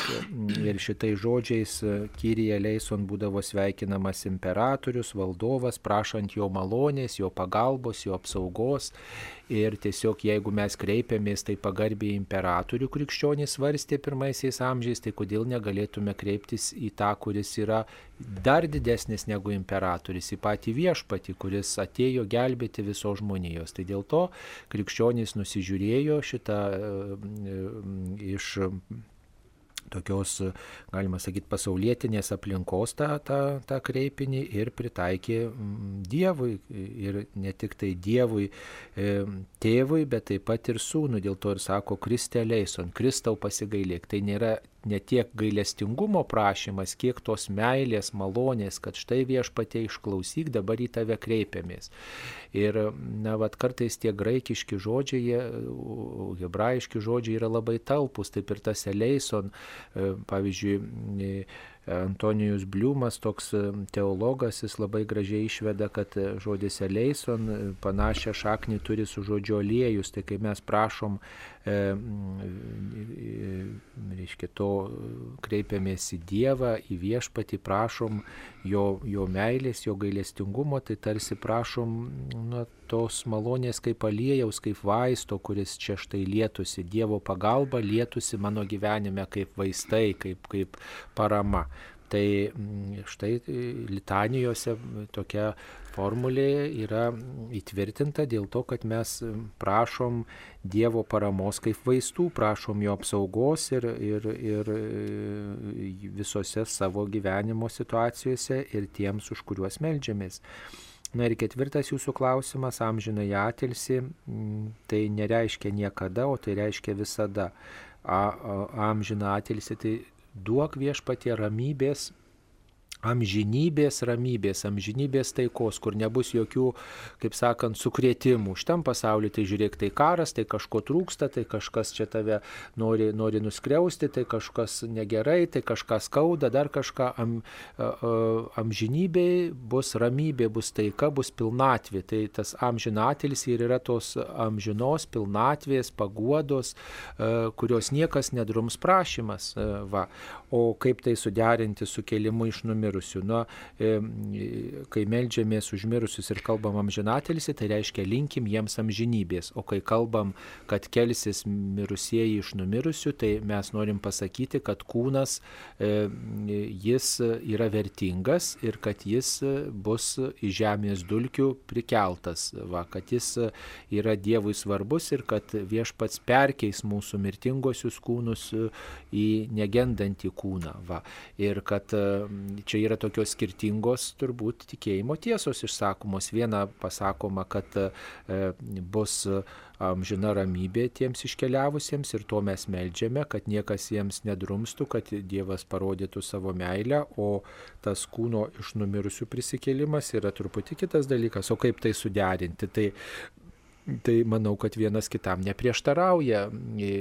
Mes trokštam, kad mirusieji sulauktų Dievo artumo, pilnatvės ir kad tikrai nekentėtų dėl, dėl savo klaidų, o taip pat mes išpažįstame, kad mūsų, taip sakoma, amžinasis likimas yra ne tik mūsų sielos reikalas, bet ir mūsų kūno reikalas. Tai, tai tokia ir yra jungtis, kad mes ramybę, amžiną ramybę patirsime ne tik tai sieloje, bet ir su kūnu. O kada tai bus, kaip tai bus, tai šventas raštas to neaiškina ir bažnyčia nenurodo. Dievui nėra laiko. Žinom, kad tai bus ir mes pasitikim Dievo veikimu. Taip, mums paskambino. Antanas iš Alytaus. Klauskite, prašau. Taip. Garbėjai su Kristui. Per amžius. Čia klausimą turiu. O vieną kartą po procesijos sėdint šonė altoriaus bažnyčioje, gavau įspėjimą, sėdėjau, kojo, ant kojos uždėjęs, klausiausi pamokslo. Kiti vyrai taip nesėdėjo. Nu ir gavau įspėjimą, kad taip negalima klausytis pamokslo, reikia sėdėti gražiai atsisėdusiam viską šitaip. Nu ir kiti vyrai taip patraukė, pečiai sako, kad galima, galima, o aš tieko nesakiau nieką. Nu ir dabar pasižiūriu bažnyčioj, daugelis sėdi šitaip, irgi kojas ant kojas susidėję, viskas, tai sėdi laisvai, ar kas iš tiesų, ar čia didelė reikšmė turi, ar neturi, ar čia galima sėdėti kaip nori. Taip, supratom.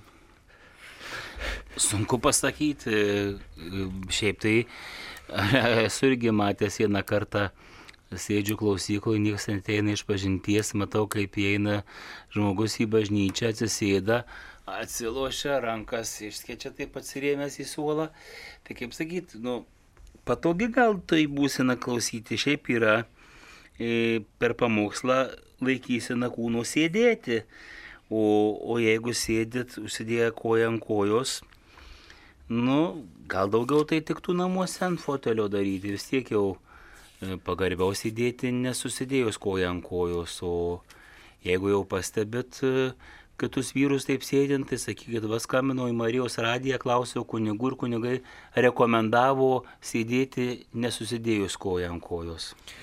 Na taip, tai tokia kaip parkė tarsi, ne, mes bažnyčioje atėjom melstis, atėjom nu, parodyti Dievui savo pagarbą, nu, norim būti ir nuolankus, ir klusnus, ir kantrus, ir, ir vat, aukti tokiuose vadovybėse e, nuolankume, pagarbume, o tas toks, žinot, kaip parkė, kojas ant kojos sudėjus, arba kojas ištiesus ant, ant suolo, arba dar užsikėlus ant kažkur, tai Na tai nėra maldos laikysena, nėra nuolankumo, atvirumo, pasitikėjimo tokia laikysena, daugiau kalba apie tokią savęs sureikšminimo laikyseną arba tokį visišką atsipalaidavimą. Na tai bažnyčios liturgija to nenumato, taip atsakysime. Taip, dabar dar viena žinutė. Ar katalikai gali švęsti Halloween? Sūnus lanko katalikišką mokyklą užsienį ir bus Hallowenas Na, nerekomenduojam švęsti tokių švenčių ir tikrai netinka katalikam švęsti. Katalikai e, turi kitas šventės, tai yra susiję su, su tokiu gazdinimu, su, su tokiu į mirtį, į, į iškeliavusių žiūrėjimą kaip į siaubą, kaip į tam tikrą tokį niekinimą. Vieną dalyką moliūgus kaptuoti, tai prisiminti galbūt derlių ir, ir, ir, ir džiaugtis tom Dievo dovanom ir, ir gal įvairius ten e, išdrošti tos e, atvaizdus, tai yra viena, bet kita yra vat, suteikti tam tikrą dvasinę prasme. Nerekomenduojam nei švesti, nei vaikams e, tai dėkti. Čia panašius klausimas buvo ir šita tema dar vienas. Taip, dabar, kai vienas meldžiasi, bet šalia esantys tyli, meldžiasi mintyje Kristus e, yra kartu. Kai vienas meldžiasi, bet šalia esantys tyli, meldžiasi mintyje Kristus yra kartu. Nu čia noriu paklausti, ar Kristus yra kartu, tai taip. Taip yra tikrai- kartu, bet klausimas, ar tas tylintis iš tiesų meldžiasi. Nu tai mintys, tai jeigu mintys meldžiatys, tai taip, bet jeigu ten nieko nedaro, tai Tik tai, tik tai žiopsom, tai, Taip. tai, tai tada, nu, žinot, Dievas visada yra, kai žmogus, e, ar jis meldžiasi ar nesimeldžia, Dievas yra su mumis, bet ypatingas tas Dievo artumas, kai jį kviečiam, kai, kai stojam jo akivaizdu. Nu, panašiai kaip mama šaukia vaikus, tai, tai kviečia ir, ir jie girdi juos, tai taip ir, ir Dievą mes, jeigu kviečia maldas kalbam ir tą darom atvirai, nuoširdžiai, mūsų tikėjimas liūdė, kad viešpats yra šalia. Kada geriau lankyti kapus ar pirmą ar antrą lapkričio dieną. Pagal raidę teisingiau aplankyti kapus ir melsis užmirusius yra lakryčio antroji diena. Dabar Lietuvoje tai yra ir nedarbo diena.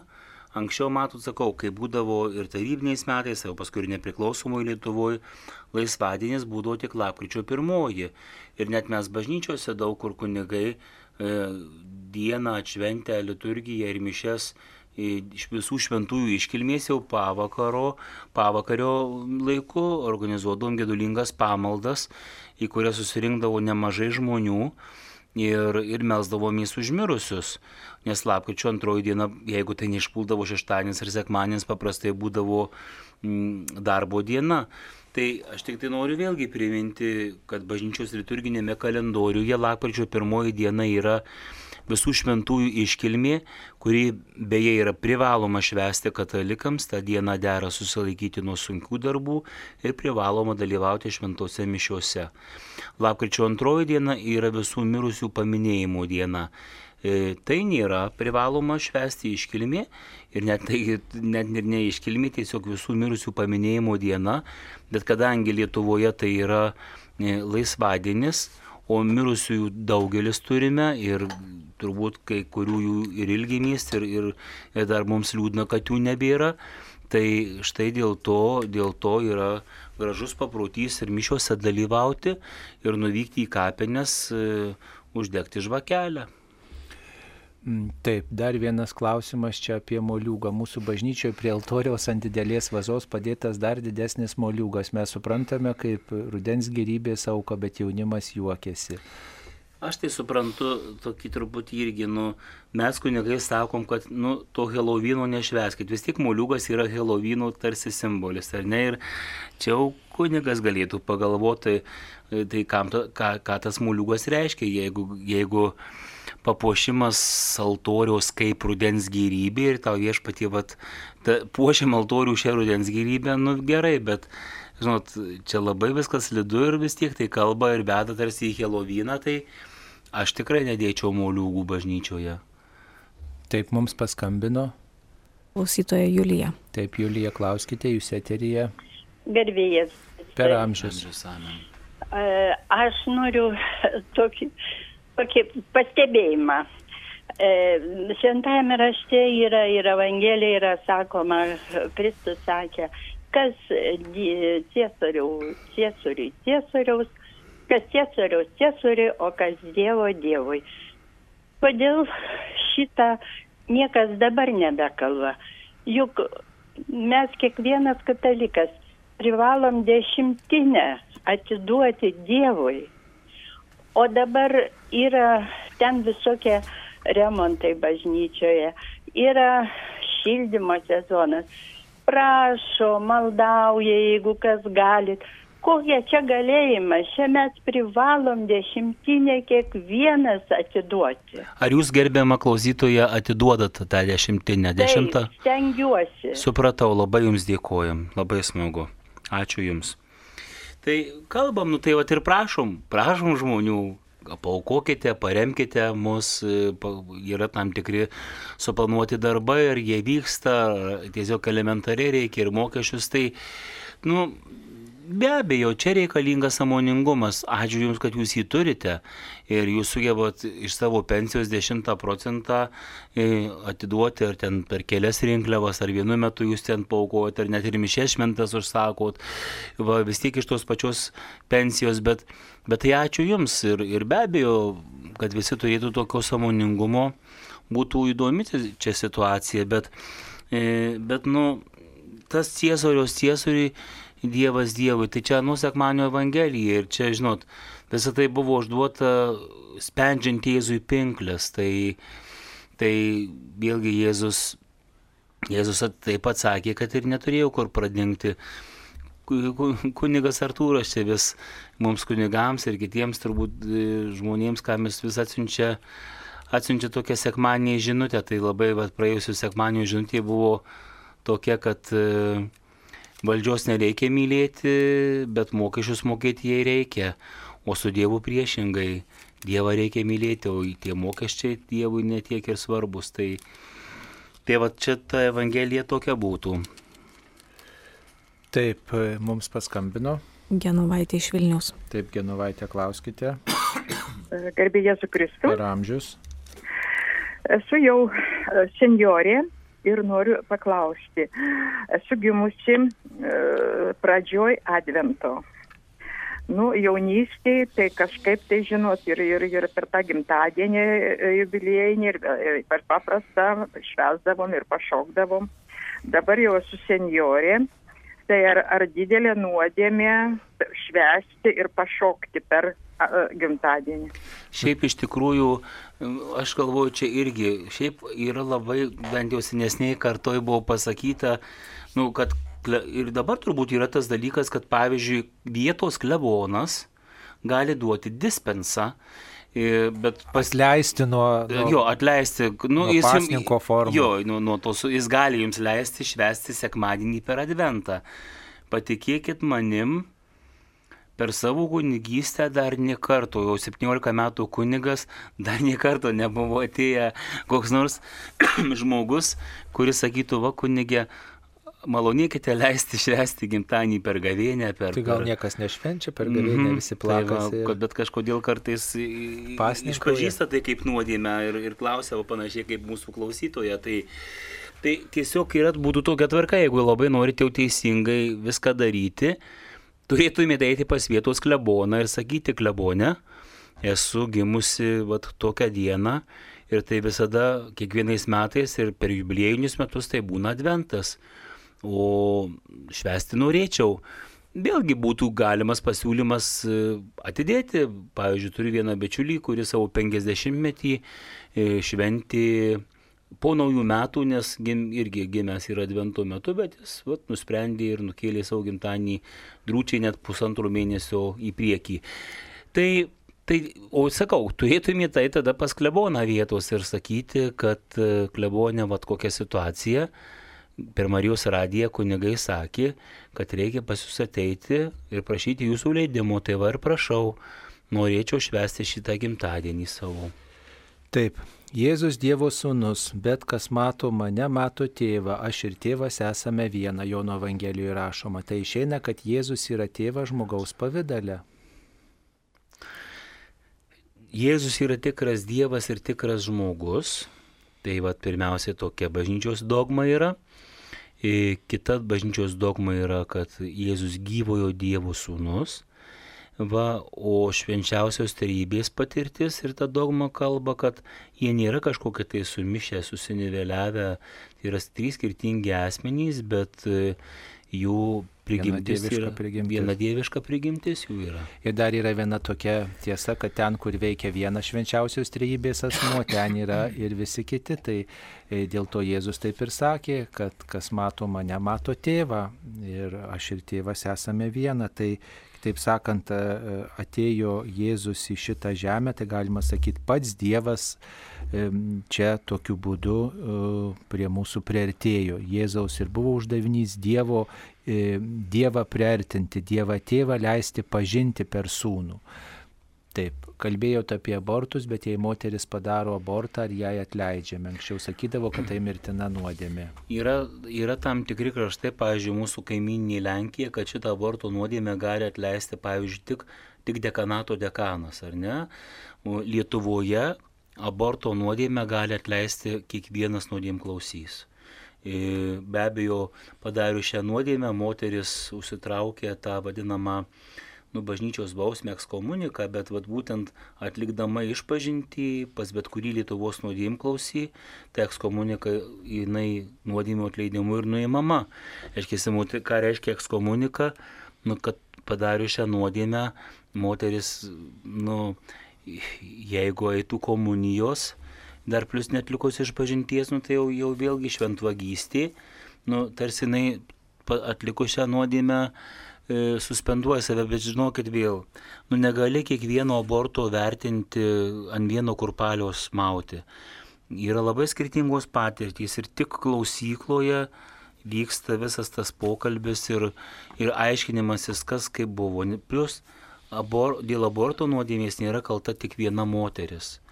Ir vyrai būna kiek duoda pritarimų ir duoda užuominų, susitvarkyk ir, ir čia dar kažką padaryk.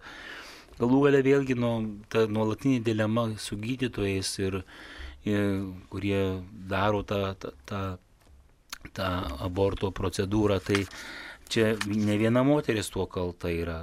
Tai va, ir čia ir gydytojai turėtų tą nuodėmę išpažinti, ir, ir vyrai turėtų tą nuodėmę išpažinti, jeigu davė pritarimą, jeigu nesulaikė, jeigu pabijojo sulaikyti, tai baimė, žinot, net leidžia nuo atsakomybės. Tai va, tai būtų toks komentaras, kad e, aborto nuodėmė atleidžiama Lietuvoje kiekvieno nuodėmklausio, jeigu ją e, išpažįsta. Tai prašo paaiškinti šventojo rašto ištrauką. Pirmas laiškas romiečiams 24 eilutė.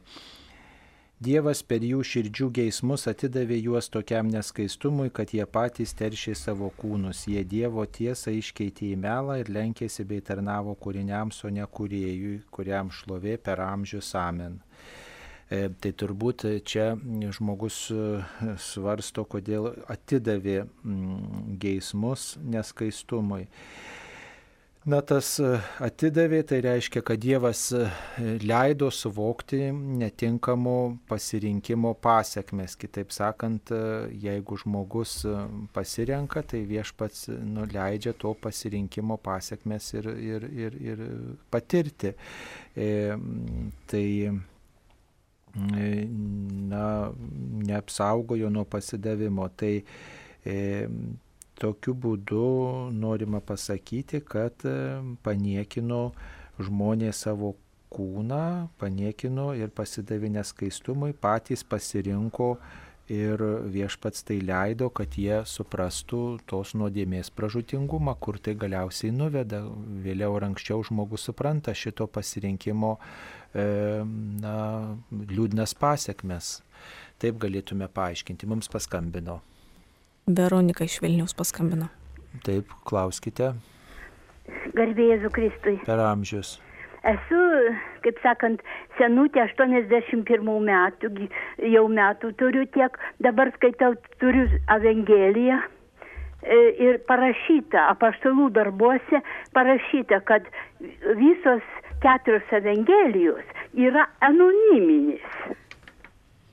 Ir yra kai kurie yra skirti tik žydams tie pa, pa, pasakymai. Vienas klausimas. Antras klausimas, kodėl viešpats Jėzus, skaitant, darant kažkokius tai, reiškia, stebuklus, pagydinant žmogų, viskas sakydavo, niekam nesakyk. Nepasakok, bet tas žmogus pagydytas pasakydavo, visiems išpasakodavo. Kodėl viešpats Jėzus Kristus, nu taip sakydavo. Ačiū Jums už atsakymą. Sakydavo tai pirmiausia dėl to, kad e, nenorėjau būti suprastas kaip ta, žinai, nu va, padarys, kad jis būtų vien va, tik stebukladarys. Sprakt pirštukais ir viešpatie pagydyk, sprakt pirštukais, viešpatie padaugink duoną. Tai tiesiog ir, ir šia, šia, šiandien dienai tai nu, ta duota Dievo malonė galbūt kaip tik apie ją kalbėti kad tik Jėzus ir gali ją duoti, bet, e, bet ne dėl to, kad jisai vat, duos belenkada, kai tu tik paprašysi.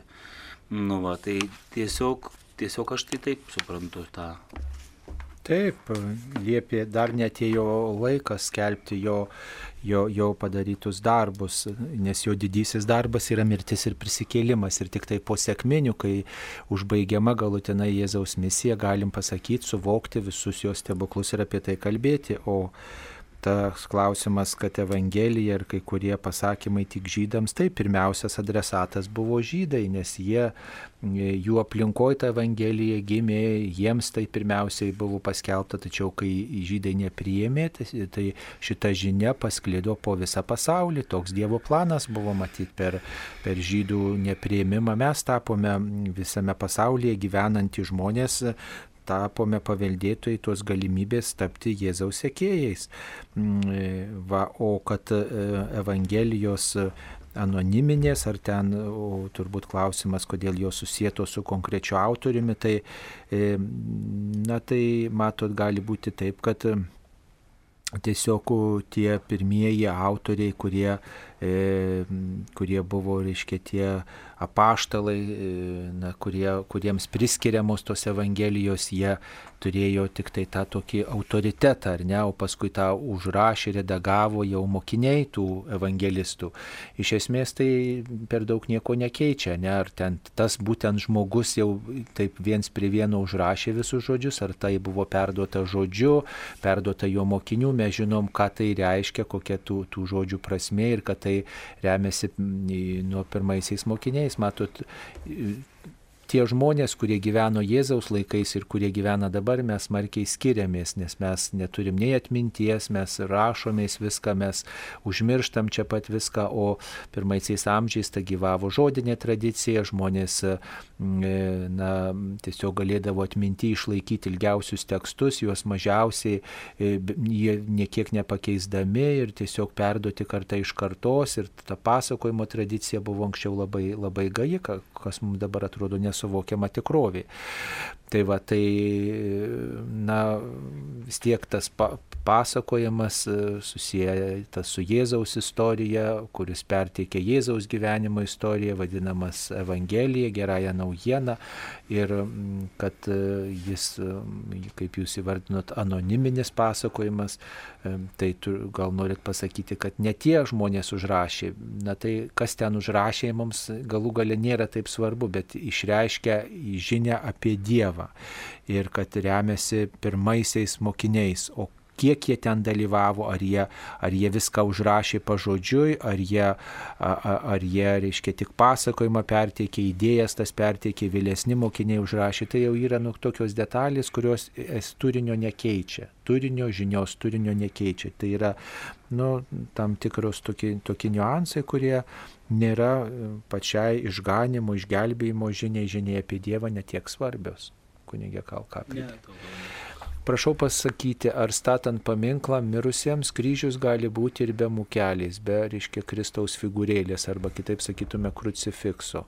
Gali būti ir be krucifikso, be mukelės, be mm, Jėzaus figūrėlės, bet e, ant krikščionio kapo turėtų būti kažkoks krikščioniškas ženklas - kryžius, Marijos e, atvaizdas, monograma ar kažkokia žinia iš švento rašto. Nes kai yra kryžiaus arba paminklo palaiminimo malda, tai būtent ir yra pirmiausia kryžiaus ant kapo palaiminimo malda ir gali paminklas turėti kryžiaus formą, bet yra pasakyta, kai jeigu paminklas neturi kryžiaus formos, tai tada būtent yra tokia palaiminimo malda.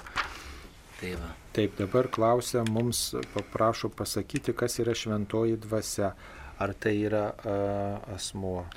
Taip, tai yra švenčiausios tarybės trečiasis dieviškasis asmuo klausia klausytojo, kaip jį įsivaizduoti, tai, tai šventa dvasia Biblijoje, Naujam testamente į, įvardyjama Evangelijose, kad nusileido balandžio pavydalu, sėkminių dieną ant apaštų nužengė ugnies liežuviais, tai na, tokie tarsi patirtiniai ženklai tokie, bet tiesiog Dievas savo prigimtimi yra dvasia. O tik tai Jėzus prisimė tą žmogišką prigimtį, tai tiesiog įsivaizduot kaip asmenį, kaip asmenį, kuris, kuris be galo myli besąlygiškai. Taip, kuris kreipiasi ir skatina tikėti. Na ir paskutinis klausimas šioje laidoje yra sukurta finansinė unija kunigų tarpė, kai kuriuos kunigus suniveliavus iki materializmo, kaip tai galėjo prieiti, kaip tai įvykti. Nu ir panašiai. Na tai kaip galėjo įvykti? Nu aišku, kunigai kaltinami materializmu, kartais galbūt ir, ir, ir teisingai kaltinami, per daug mes prisirišę prie materialių dalykų, o kartais galbūt žmonės galvoja, kad kunigas tai negali nei valgyti, nei mašiną važiuoti, jis turi skristi kaip, kaip balandis ir, ir, ir tai nieko jam nereikia. Absoliučiai. Matote, nu ir vėl, vėl nu, taip, suprantu tą rūpestį, bet kunigas nėra vienuolis. Vienuoliai tikrai duoda neturto įžadą ir nieko savo neturi. Nieko. Nieko ir negali turėti. Telefoną norėtų turėti, turi vyrį. Visko turi klaus pas vienuolino abatą, vyresnį, vyresnėje motinėlę. O mes kunigagi nedavėm, nedavėm e, šito neturto. Jo labiau nu visi kažkaip tu, jūs turit kiti rūpešių, turit vaikų, turit, turit šeimos narių, jūs, jūs, jūsų šeima gali būti 3, 4, 6, 10 asmenų. Nu, mes kunigai gyvenam po vieną ir mes irgi nugaunam tam tikras pajamas. Tai kur tu gauni žmogaus pajamas gyvenamas vienas ir, ir, ir, ir kur tu turi 10 žmonių pasirūpinti. Tai, tai čia va tas gal paskui kartais ir, ir, tai, tai tada va, nu va aš tai taip įsivaizduoju, nu Vienu žodžiu, kartais tikrai mes pripažįstam, kad per daug gal esam prisirišę prie materialių dalykų ir papiktinam tikinčiuosius, papiktinam kitus žmonės, bet kita vertus reikia suprasti, kad kunigas irgi žmogus ir jo išlaikymas irgi, irgi turi būti kažkoks. Tai gailimės dėl tų kunigų, kurie papiktina ir aišku labai norėtume, kad kunigai būtų kukliau gyventų. Tai palinkėsim visiems mums kuklumo, paprastumo ir vieni už kitus melskimės ir vieni kitus palaikykime. Ačiū visiems, ačiū kunigui iš Griškabudžio ir Barzdų parapijų, kunigui Vytautui Mazirskui, kuris dalyvavo šioje laidoje. Aš irgi noriu padėkoti Jums, kunigė Sauliau, kad vis pasitikit ir vis pasikviečiat. Man visada malonu čia sugrįžti. Ačiū myliems klausytojams už klausimus ir kad klausyties ir kad tikiu, kad ir meldėties. Sudė. Ačiū sudė.